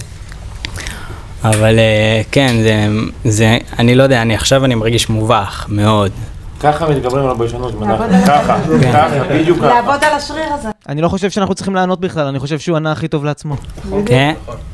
זה השריר. להציב מטרה, לעשות אותה, ללכת דרך הפחד. זה שאתה פוחד ואתה מרגיש מטופש, זה לא אומר שאתה חלש או ביישן, להפך, זה מראה כמה שאתה אמיץ. כי הבן אדם שקופץ לאש בלי לפחד מהאש, הוא סתם, סתם מטומטם. כמה מתוך היום שלך אתה מייצר אינטראקציה עם אנשים? אני עכשיו עובד בשירות לקוחות ברמי לוי, אז אני מייצר המון המון אה, שיחות. לך hardcore. hardcore. hardcore. אתה יודע מה זה הארדקור? לך למקום שהכי ידחוף ממך ויוציא ממך את הביישן. יוציא ממך מהחיים האלה את הביישן, יכניס בך משהו אחר. שירות לקוחות, האם... תמדוד את זה. הלכת לשירות לקוחות, תבדוק עם כמה אנשים אתה מדבר ביום. תכתוב לך, תפתח עם עצמך קבוצת וואטסאפ, דיברתי היום עם 30 אנשים, 40 אנשים, 200 אנשים. לך הכי הארדקור. אם אתה רוצה לייצר מנטליות, קודם כל חזקה, ולייצר אינטראקציה, בוא איתי יום אחד לרחוב, אתה תראה, אין לי בעיה לדבר עם, עם המוכר ביאלו, אין, למה לא? אבל אני רוצה רגע להגיד על זה משהו. כי כשהוא בעיה. מדבר בשירות לקוחות, יש לו תסריט שיחה. הוא תמיד יכול ללכת למה שכתוב לו בדף, והוא לא צריך יותר מדי לפתח את השרירים שלו. אני דווקא מזמין אותך לעשות דברים אחרים. למשל, אה, אה, מישהי שעכשיו אה, עובדת איתך, להגיד לה, אז מה, ראית את הגמר של הישרדות? כלומר, להתחיל לייצר שיחות שאתה לא חייב לעשות אותן בשביל העבודה שלך, ולהתחיל לענות תשובות שלא כתובות לך בשום מקום. בהתחלה אתה תגמגם, בהתחלה זה יהיה מוזר. לאט לאט אתה תקלוט שזה סבבה לך, זה טוב לך, ואתה מרגיש כמו בריכה, שאתה נכנס ובהתחלה אתה קצת מחפש את עצמך, קצת קר, קצת זה, קצת מוציאים את הרגל, מכניסים, בסוף אתה תראה שאתה קופץ לבריכה הזאת ואתה בכלל תשכח שהיית במקום שאתה נמצא בו עכשיו. אני רואה את המחויבות המטורפת שלך, עצם זה שהצבת לעצמך משהו, לקחת את המיקרופון, לא היית חייב, היית יכול לסתום את הפה, ללכת הביתה ולשאול את עצמך איך לא עשיתי את זה. אבל אתה עכשיו תחזור הביתה ותגיד איזה מלך אני שעשיתי את זה. ככה ניצחונות קטנים, אתה תצליח. אז, אז, אז לגמרי אני, אני מחזק את מה שאתה אומר, ועדיין אני יכול להגיד לך שוב, מה שעבד לי, ייצר כמה שיותר אינטראקציה. אני בתחילת הדרך שלי, קיבלתי את הניתוקים, קיבלתי את הזה, פשוט אני הלכתי לעולם הסיילס, לעולם המכירות, ולעולם מכירות הארדקור. אני לא יודע אם אתה כרגע בשל מנטלית וממש מוכן לקפוץ, אבל אני יכול, אני יכול לבקש ממך, לך הארדקור, לא מחר. אל תעשה shifting מחר אני קיצוני. לאט לאט, חצי שנה, שנה, תייצר כמה שיותר impact, כמה שיותר volume, כמה שיותר נפח, פעילות עם אנשים אחרים. לייצר כמה שיותר אינטראקציות. הנה, ראית עכשיו, בום, עוד אחד בא ודיבר איתך, תראה איזה יופי. אגב, זה גם כוח של אנרגיה של סביבה. האנרגיה ממשיכה. בום, עוד אחד בא ונותן לך טיפ. אה, מישהו מקודם בא אליך ואמר לך, תקשיב, אני הייתי בדיוק ככה, תראה איזה מחזק זה, איזה כיף זה. אז בפעם הבאה שאתה, שאתה תחשוב עם עצמך לדבר או לא לדבר, או להיות ביישן, או להיות פתוח, או לא להיות זה, אתה לא תיזכר בחברים שלך, מבטיח, אתה תיזכר בהוא מהממ"ד, עם הפודקאסט של הסרוטים האלה, שהיה להם אזעקה באמצע, שאמר לך, וואלה, אני גם הייתי ככה. זה הכיף, אלו אבני הדרך שלך במהלך החיים. אתם תפגשו פתאום אחד את השני, אתם תראו, אבני דרך מטורפים. אז תודה על השאלה, אלוף, ותודה על כל השיתופים שאתה עושה עבורנו. ועבור העולם. אה, צריך גם להגיד תודה ליוראי שלא נמצא כאן, אבל הוא באמת מלווה אותנו בכל הפרקים, והוא יוראי, ככה... תודה ענקית. הוא יערוך על גם את שאתה. הסאונד בפרק הזה, ויעלה אותו לכל המקומות שהוא צריך להעלות אותו. הכל בסדר, חברים? יאללה, מדהים. חבר'ה, עוד שאלה, רגע לפני שאנחנו הולכים הביתה, שאלה חוזרים- אחרונה, מי שצריך. חוזרים לנטפליקס, חוזרים לחיים האישיים שלנו. מקווים שלנטפליקס ולא לחדשות. אני רואה מלא נטפליקס, סדרה מדהימה בנטפליקס. אגב, איך להתעשר, מי שראה ומי שלא, ממליץ. מה זאת אומרת, לשמוע את הפודקאסט של עפים על החיים? לא, זה ודאי, זה אחרי ה binge. הבנתי. אחרי שהם סיימו כמה פעמים. כן. מה השם? גיא. אהלן גיא. מאיפה. אתה? חולון. אה, אוהבים פה את חולון. תודה רבה. אה, אני שומע את הפודקאסט שלכם- גם באופן קבוע. אה, אני מאזין בו כל כל פעם שיש לי זמן פנוי. איזה אה, כיף. ואני גם, אני ממש אוהב אותך, כי אני, אני גם מתחבר אליך ממש ב mindset, גם אותך, כאילו, ברור, אתה, אני מעריץ שלך, באמת. אתה לא חייב, כאילו, אני- אותו- אני מבין אותך, כאילו. רגע, רגע, רגע, רגע. שנייה, אני צריך את מנת הדופמין שלי. אל מי אתה מתחבר? יש פה פשוט תאורה. אתה יכול להגיד את השם בקול רם. אל שניכם, ברור. לא, לא, אתה לא אמרת. תן, תן, תן לו, אחרת אנחנו נהיה פה עד שתיים בלילה. אתה לא אמרת אל שניכם, תודה. אה, ליאור זכאים. תודה רבה. אפשר להבין אותך. כן. אז... אה, זהו, שאלה הבאה, חבר'ה. כן, גיא, מה השאלה? ואני אני כל הזמן שומע ממך את העניין של הכסף, ושאתה אוהב כסף, ושאתה רוצה כסף.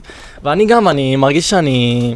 אני חולה על כסף בצורה קיצונית, כאילו, אני, כל מה שמניע אותי זה אני רוצה לעשות כסף, אני רוצה לחיות טוב, יש לזה כמובן סיבות יותר עמוקות, ואני לא סתם עכשיו, סתם מדבר, כאילו, רק עכשיו על זה, אני אומר בכללי שאני, כל מה שמעניין אותי כל הזמן זה שממש בא לי לעשות כסף, ואני מרגיש שאני, מה זה, בשלבים הראשונים, שאני אין, לא יודע כלום, כאילו, אני, אני עכשיו, תן לי, נגיד, אה, 70-80 שקל, שאני ארגיש שזה גבוה בשבילי, ואני אלך לעשות את זה, וזה לא משנה מה זה יקרה.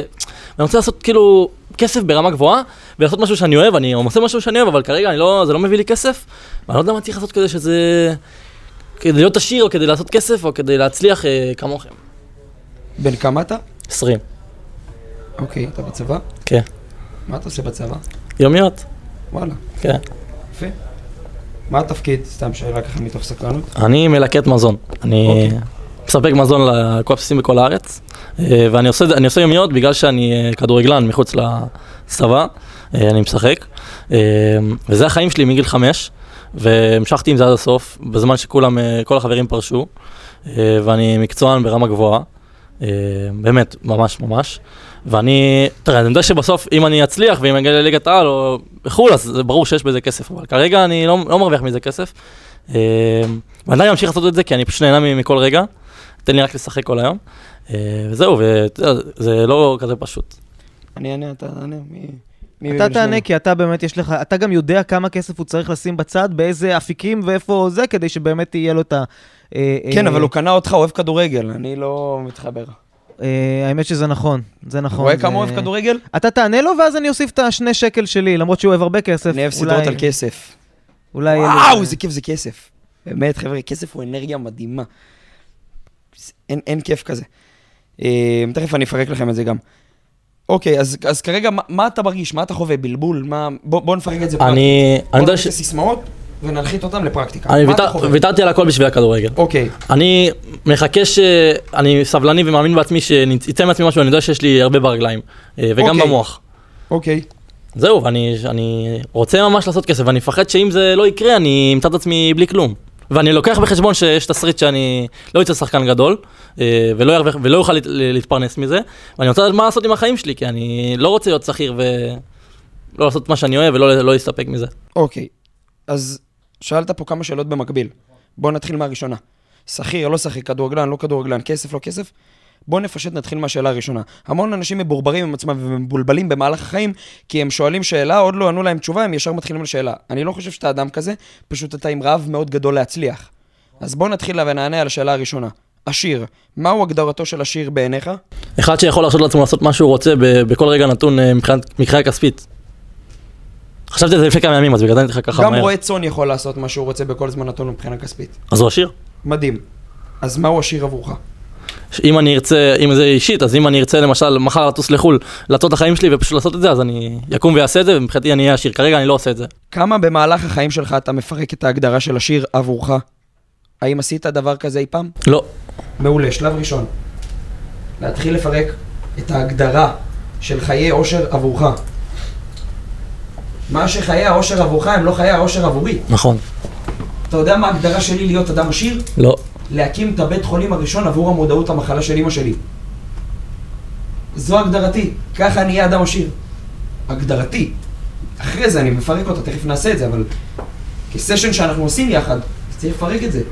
אתה הולך עם בלון בלי קצה חוט, והוא רץ קדימה ונוסע במרחב, וזה עשיר, חופש כלכלי, וזה מדהים, וזה נכון וזה טוב. קודם כל, אתה כבר במסלול הנכון, עכשיו נשאר כוונונים, טק, טק, טק, טק, בום, תפסנו את התחנה ברדיו, אין יותר רעשי רקע.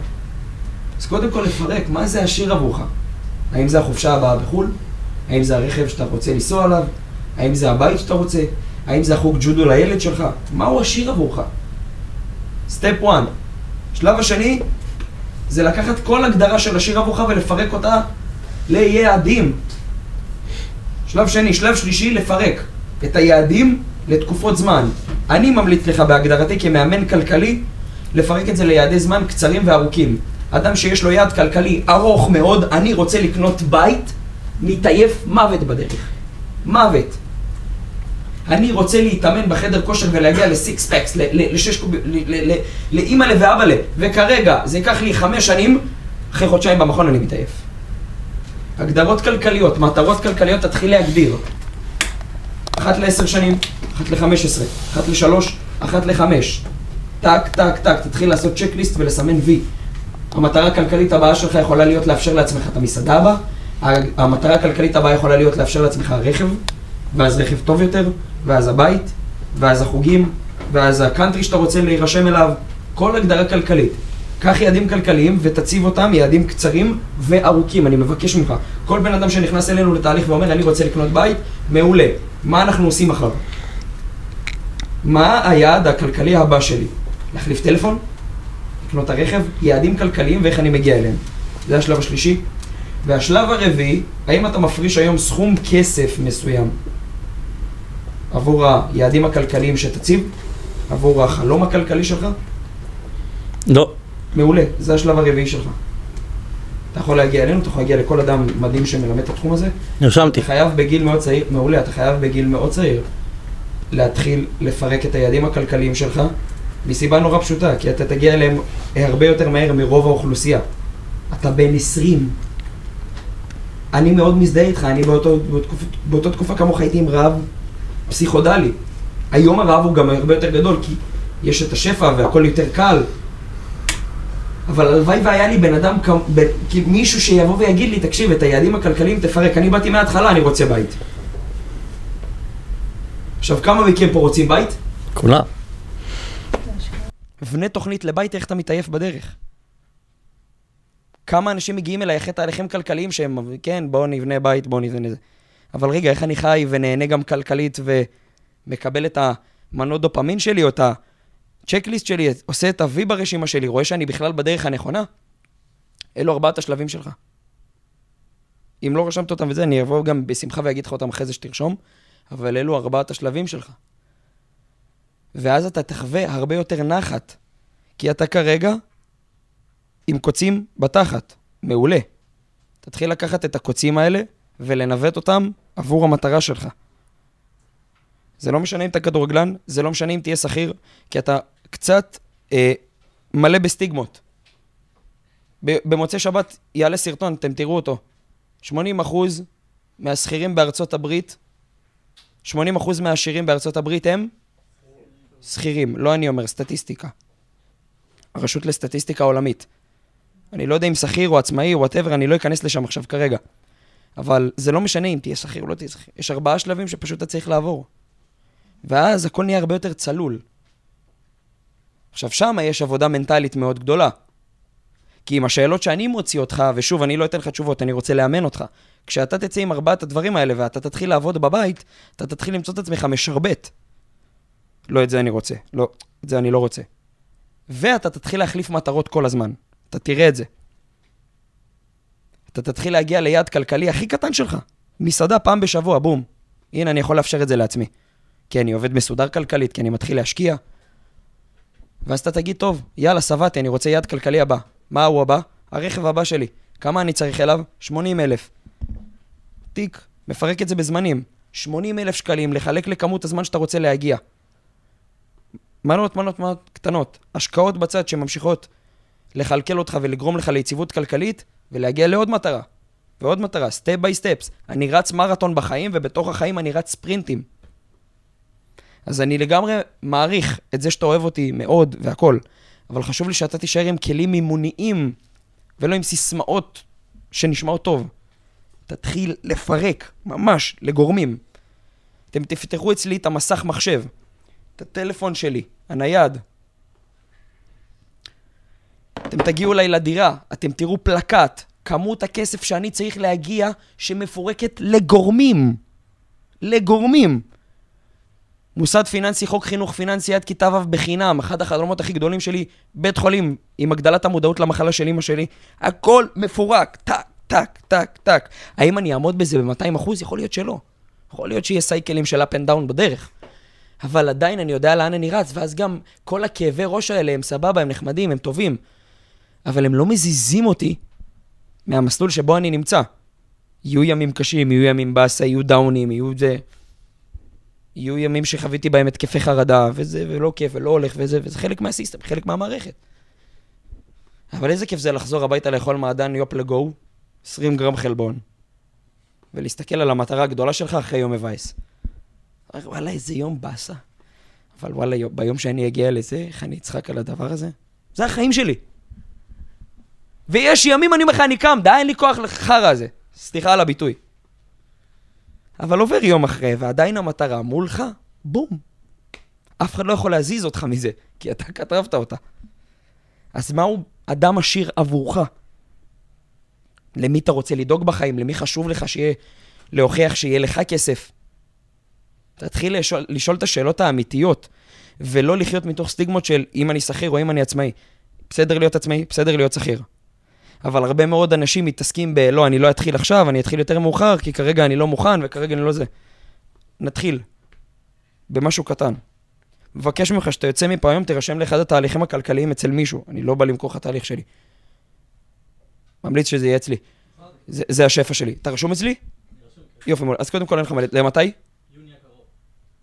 מדהים. כן, הכל כבר סגור. עושה שיווק כבר. אז קודם כל, כיף גדול. תודה על הזכות ותודה על האמונה בי ובך. ואתה תראה, באחד, במפגש השלישי שיבנו איתך תוכנית, ואני לא אתן לך לצאת בלי תוכנית.